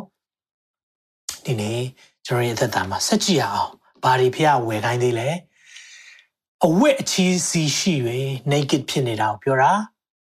သူတစ်ပါးရှင်နိုင်မရှက်စေခြင်းကခြုံစရာဖို့ဖြူသောအဝယ်။အော်တန်ရှင်းခြင်းရဲ့ပုံရိပ်တစ်ခုထပ်ပြတယ်ဖြူဖြူတဲ့အဝယ်ဖြောင်းမှတ်ခြင်းဝတ်လုံးဘုရားဒါကိုဖြစ်စေခြင်းနဲ့ငါထန်၌ဝယ်လို့ဝယ်ပါတဲ့တနည်းအားဖြင့်အဖိုးခပေးရလိမ့်မယ်ဖြူဖြူစင်တန့်ရှင်းခြင်းဒါကလေဝယ်ရတယ်မိတ်ဆွေအလကားမရဘူး ဖြူစင်တဲ့အရာတွေစင်ကြယ်တဲ့အရာတွေ holiness ဘုရားကျွန်တော်တို့ကိုတန့်ရှင်းစင်ကြယ်စေပြီးပြီဒါမဲ့တန့်ရှင်းစင်ကြယ်နေစေဟုတ်တယ်နော်ကျွန်တော်တို့ပြောင်းလဲပြီးပြီပြောင်းလဲနေစေအရင်ဘက်ကပြောခဲ့တယ်ကျွန်တော်သက်တာမှာ I am chained but I am still changing ကျွန်တော်ရဲ့အသက်တာမှာကိုတော်နီးသူကိုတော်ကဲ့သို့ဖြစ်ဖို့ဖရားလိုတော်ရှိတယ်ဒီအရာတွေကြောင့်မလို့ကျွန်တော်အသက်တာပြောင်းလဲပြီလားပြောင်းလဲပြီပြောင်းလဲနေရစေလားပြောင်းလဲပြီ ဖရားကတန်ရှင်းသူဖြစ်မြင်ပြီလားမြင်ပြီပြီဒါမဲ့အသက်တာတန်ရှင်းဖို့လိုသေးလားလို့တာပေါ့ဒါကိုနေ့စဉ်နဲ့အများကျွန်တော်တို့သွားဖို့လိုတယ်ဆိုတာကိုဖခင်ပြောတယ်ဝယ်ပါလို့ပြောတဲ့အခါမှာအဖို့ခပေးရတယ်ဝယ်ပါဆိုတာအဖို့ခပေးရတယ်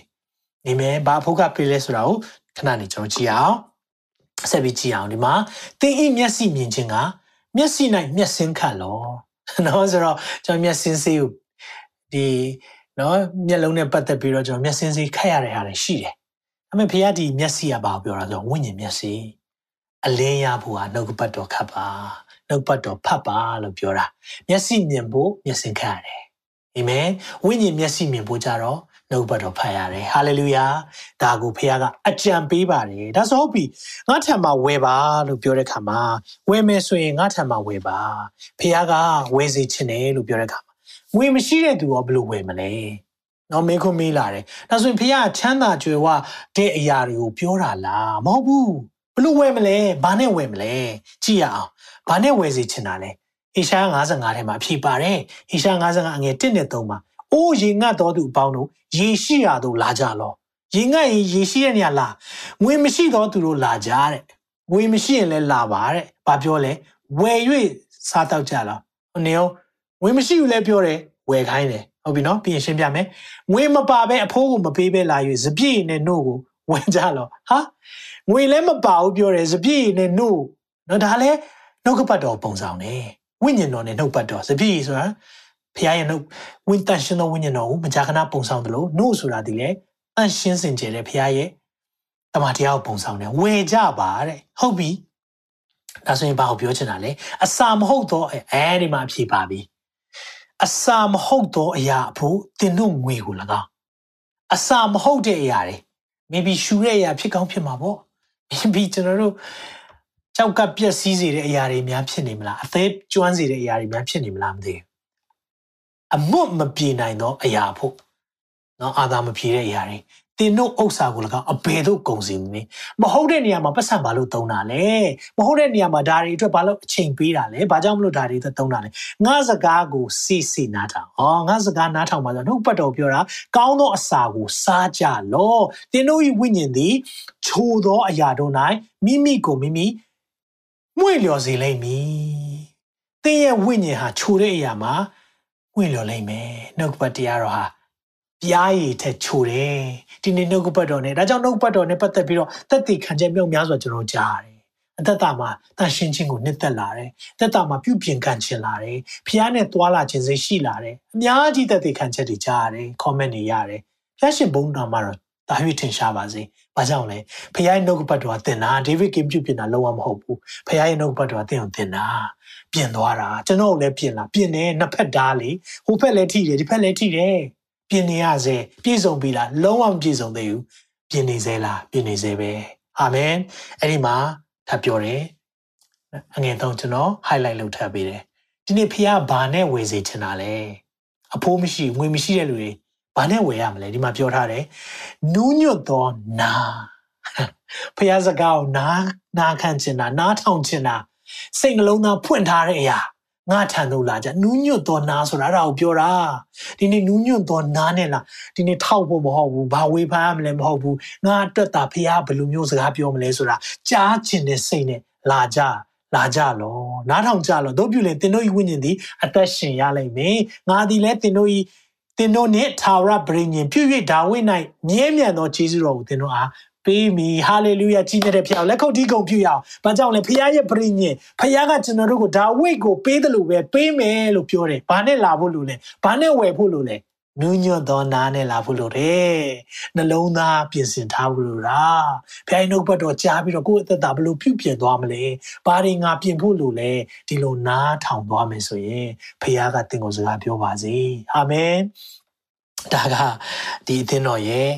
ပြဿနာတွေနောက်ဆုံးအသင်းတော်ရဲ့ပြဿနာတစ်ခုကပါလဲဆိုတော့အသင်းတော်ထဲမှာခရစ်တော်ရှိမနေတာဝမ်းနည်းဖို့အကောင်းဆုံးပဲနော်အဲ့ဒီအသင်းတော်ထဲမှာခရစ်တော်မရှိတာသိချောက်ဖို့ကောင်းတယ်ဟာအသင်းတော်လို့ပြောတာခရစ်တော်မရှိဘူးလား မရှိဘူးလော်ဒီကီအသင်းတော်မှာမရှိဘူးဘာလို့အဲ့လိုပြောတာလဲဒီမှာသူပဲပြောထားတယ်သခင်ယေရှုကိုယ်တိုင်ပြောထားတယ်ဗျာဒိတ်330မှာငါဒီတကားရှိမှရက်ရက်ခောက်ရက်နေဖယားတကားပြန်ခောက်ပြီးဝင်ရတဲ့အသင်းတော်ဖြစ်နေတယ်ယေရှုကိုပြင်ထုတ်ထားတယ်ဗျာအကျဉ်သူသည်ငါ၏အတန်ကိုကြား၍တကားကိုဖွင့်အံ့ထိုသူရှိရသောငါဝင်၍သူနဲ့သူစားတော့မည်သူသည်လည်းငါနဲ့သူစားတော့ရလိမ့်မည်ဒီနောက်ကပတ်တော်မှာ meaning နှစ်ခုအဓိပ္ပာယ်နှမျိုးရှိတယ်ကျွန်တော်တို့ဧဝံဂေလိတရားဟောတဲ့ခါမှာလည်း ဖះတကားခောက်တယ်လက်ခံပေးပါလို့ပြောတာရှိတယ်ဒါမဲ့တကယ်အဓိပ္ပာယ်စစ်မှန်ပါလဲဆိုရင်တော့ဒီအသင်းတော်မှာသခင်ယေရှုကိုပြင်ထုတ်ထားတာကျွန်တော်တို့အသက်တာဖြစ်နေတတ်တယ်နော်ကျွန်တော်အသက်တာဖြစ်နေတတ်တယ်ကျွန်တော်နှလုံးသားထဲမှာဘောလုံးနဲ့ဘောလုံးပွဲတွေနဲ့အစားထိုးထားလား tennis တွေနော်ကျွန်တော် tennis ကြိုက်တဲ့အခါမှာကျွန်တော်မကြာခဏသက်သေခံတတ်တယ် tennis ကိုဆွဲလန်းတဲ့အခါမှာကျန်းစာဖတ်ဖို့မေးတဲ့အချိန်ရှိသွားတတ်တယ် အဲ့ဒီအချိန်မှာဘုရားကျွန်တော်စကားပြောတယ်ဒီနေ့ဘာအရေးကြီးတာလဲဖះကိုလေအပြင်ထုတ်တာနဲ့တူတူပဲတခုခုကိုထည့်လိုက်ပြီဆိုဖះ automatic ထွက်သွားသလိုပဲနှလုံးသားထဲမှာလေဖះရောထည့်လိုက်တခြားဟာတွေထည့်အဲ့လိုထည့်လို့မရဘူးဒီကျွန်တော်နှလုံးသားတကားကိုဖះပြန်ခောက်နေရတယ်ဒီညမှာပြန်ခောက်နေတဲ့ချို့လူတွေအတွက်ဘာကြောင့်လဲဆိုသခင်ကိုအပြင်ထုတ်ထားတာတင်သခင်ကိုအပြင်ထုတ်ထားပြီဆိုရင်တော့သခင်ကလေတကားတစ်ခေါက်ပြီးတော့ စားတောက်မယ်ဆိုတာဘာအောင်ပြတာလဲဆိုတော့မိတ္တဟာရအောင်ပြတာ intimacy ယဉ်နီးကျွမ်းဝင်ခြင်းကိုပြတာအခုခေတ်ကျွန်တော်တို့မိသားစုစပွဲဝိုင်းမှာ TV ကြည့်ပြီးတော့စားနေကြအဲ့ပုံစံမဟုတ်ဘူးတယောက်နဲ့တယောက်ချင်းတွေ့တဲ့အခါမှာနော်ချစ်သူတို့တွေ့ဆုံတဲ့အခါမှာတယောက်နဲ့တယောက်မျက်နှာလေးကြည့်ပြီးတော့တယောက်နဲ့တယောက်အစာအဓိကမဟုတ်ဘဲနဲ့တယောက်နဲ့တယောက်မိတ္တဟာရအဓိကဖြစ်နေတာဒါမျိုးသခင်ကလိုချင်တာတင့်ကိုဖះလိုရှိတယ်တင့်ကိုဖះဒီညမှာတင့်ကို တင့်နှလုံးသားထဲပြန်ဝင်ခြင်းတယ်တကားခောက်နေတယ်သင်ခွင့်ပေးမလားဒီသင်းတော်ကတော့လေအပြင်ကိုထုတ်ထားတယ်ဒါဆိုရင်တော့ကျွန်တော်တို့တွေကျွန်တော်တို့များဖြစ်နေမလား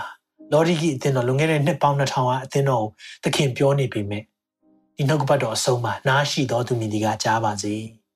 အသင်းတော်တို့အားလို့ပြုံသုံးထားတယ်ဒါကြောင့်ကျွန်တော်တို့ကိုလည်းပြောတာ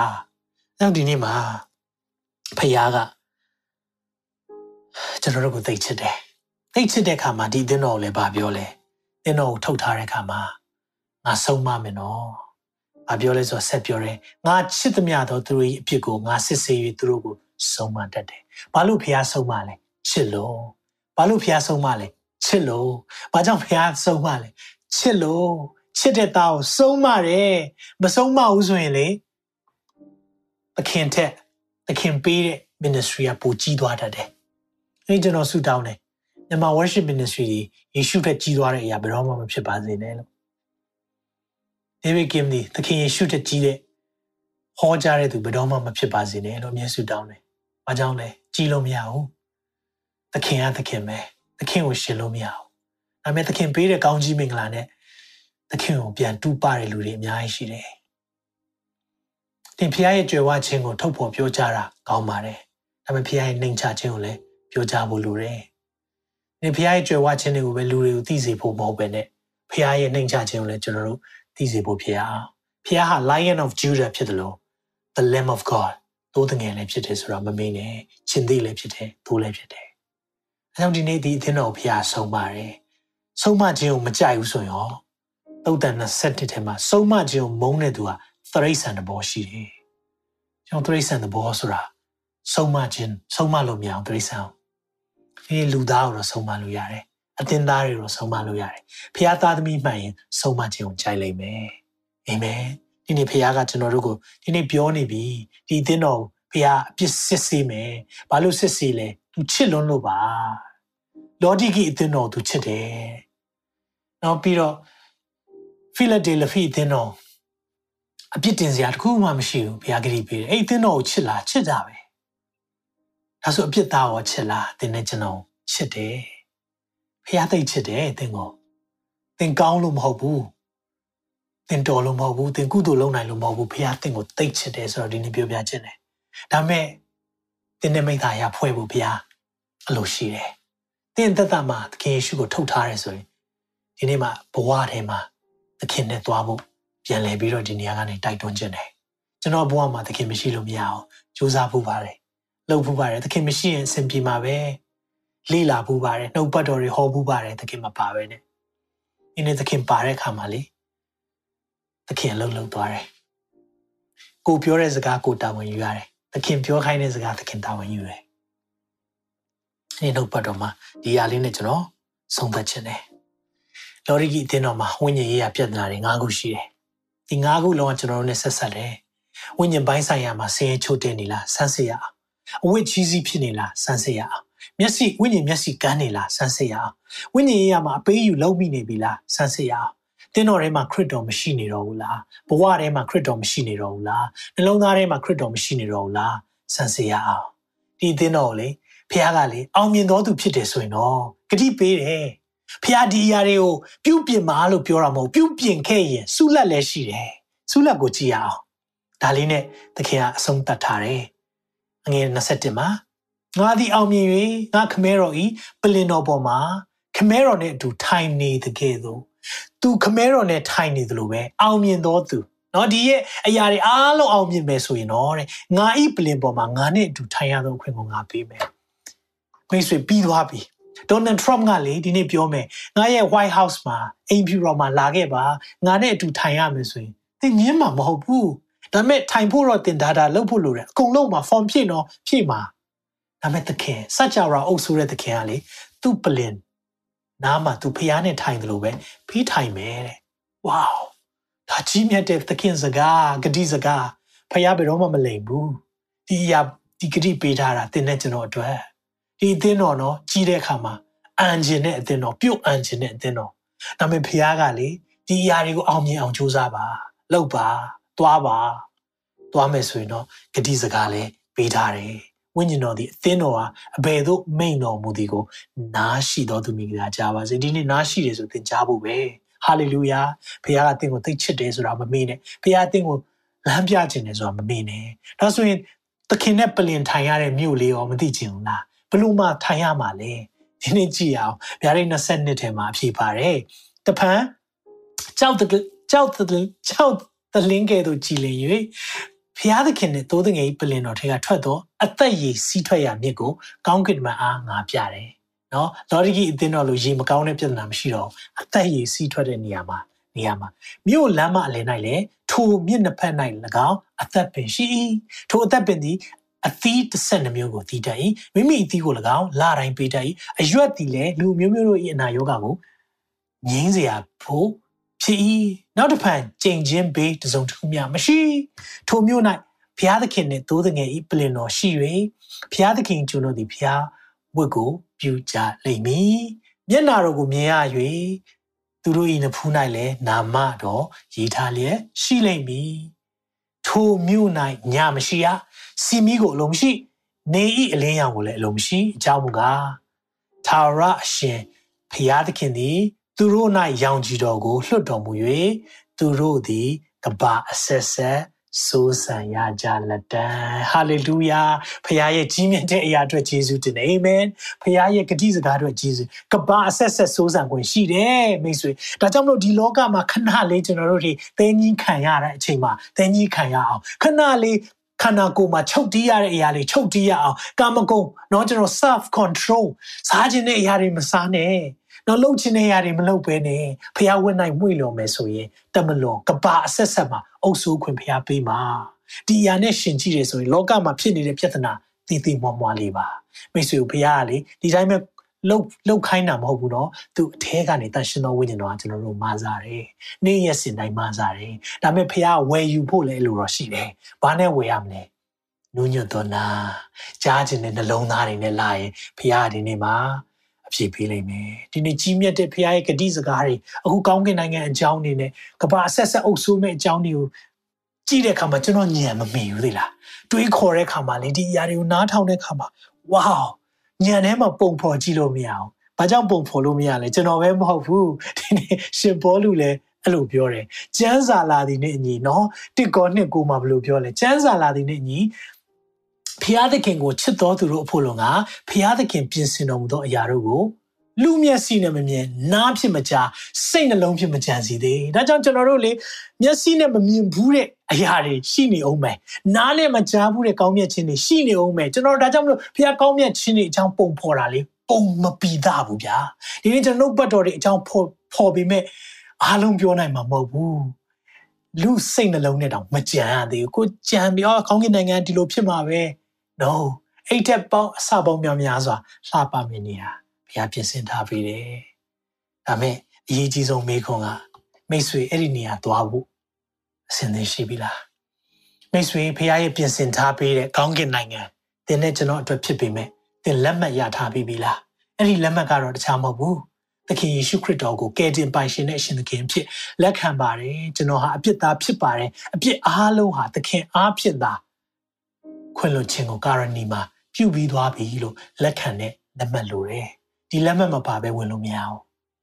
တနည်းအားဖြင့်ဒီလက်မှတ်ကယ်တင်ခြင်းလက်မှတ်ဖြစ်တယ်မိတ်ဆွေကိုမေးကိုမေးခြင်းတယ်သခင်ကိုအပြင်ထုတ်ထားတဲ့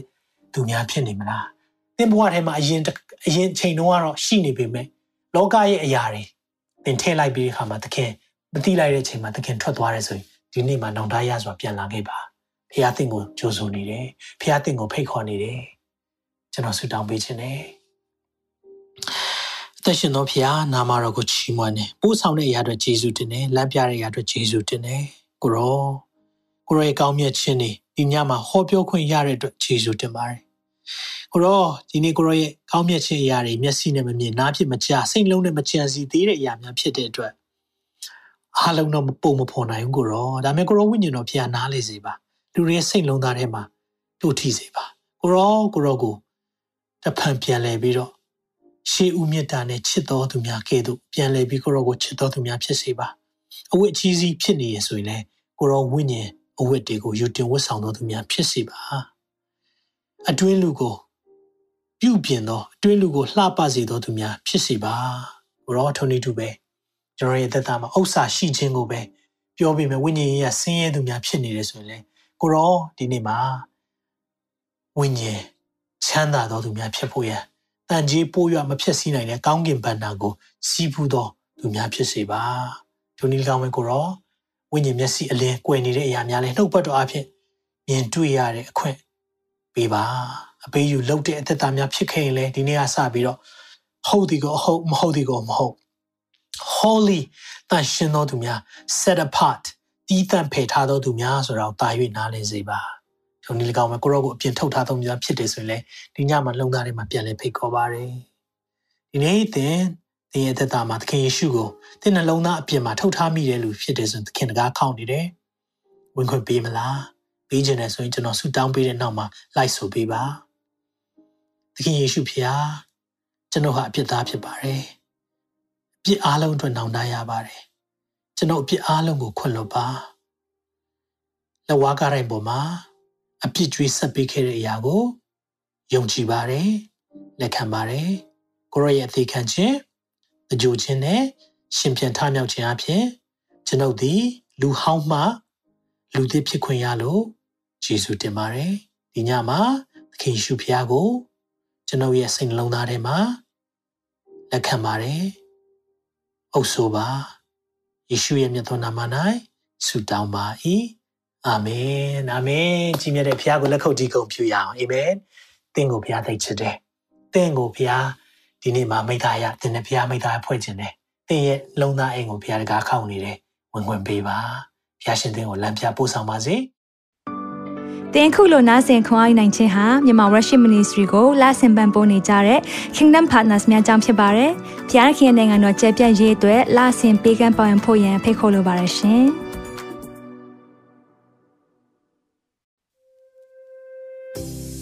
ခုကြားနာခဲ့ရတဲ့နှုတ်ပတ်တော်အဖြစ်ခွန်အားရရှိမဲ့လို့ယုံကြည်မျှော်လင့်ပါတယ်။ခွန်အားရဆိုလို့ရှိရင်ဒီတစ်ပတ်နဲ့ပြန်လည်ဝင်မြပေးဖို့ရန်တောင်းဆိုပါရစေ။မြန်မာ Worship Ministry ရဲ့ website myanmarworship.com ကိုလည်းလာရောက်လေ့လာဖို့ရန်တွဲဖိတ်ခေါ်ချင်ပါတယ်။တချိန်ထဲမှာမြန်မာ Worship Ministry ရဲ့ social media platform များဖြစ်တဲ့မြန်မာ Worship YouTube Channel, မြန်မာ Worship Facebook Page နဲ့မြန်မာ Worship Instagram များကိုလည်းလာရောက်လေ့လာဖို့ရန်တွဲဖိတ်ခေါ်ချင်ပါတယ်။နောက်တစ်ချိန်မှာပြန်လည်ဆုံတွေ့ကြပါစို့။ဖျားရှင်ကောင်းကြီးပေးပါစေ။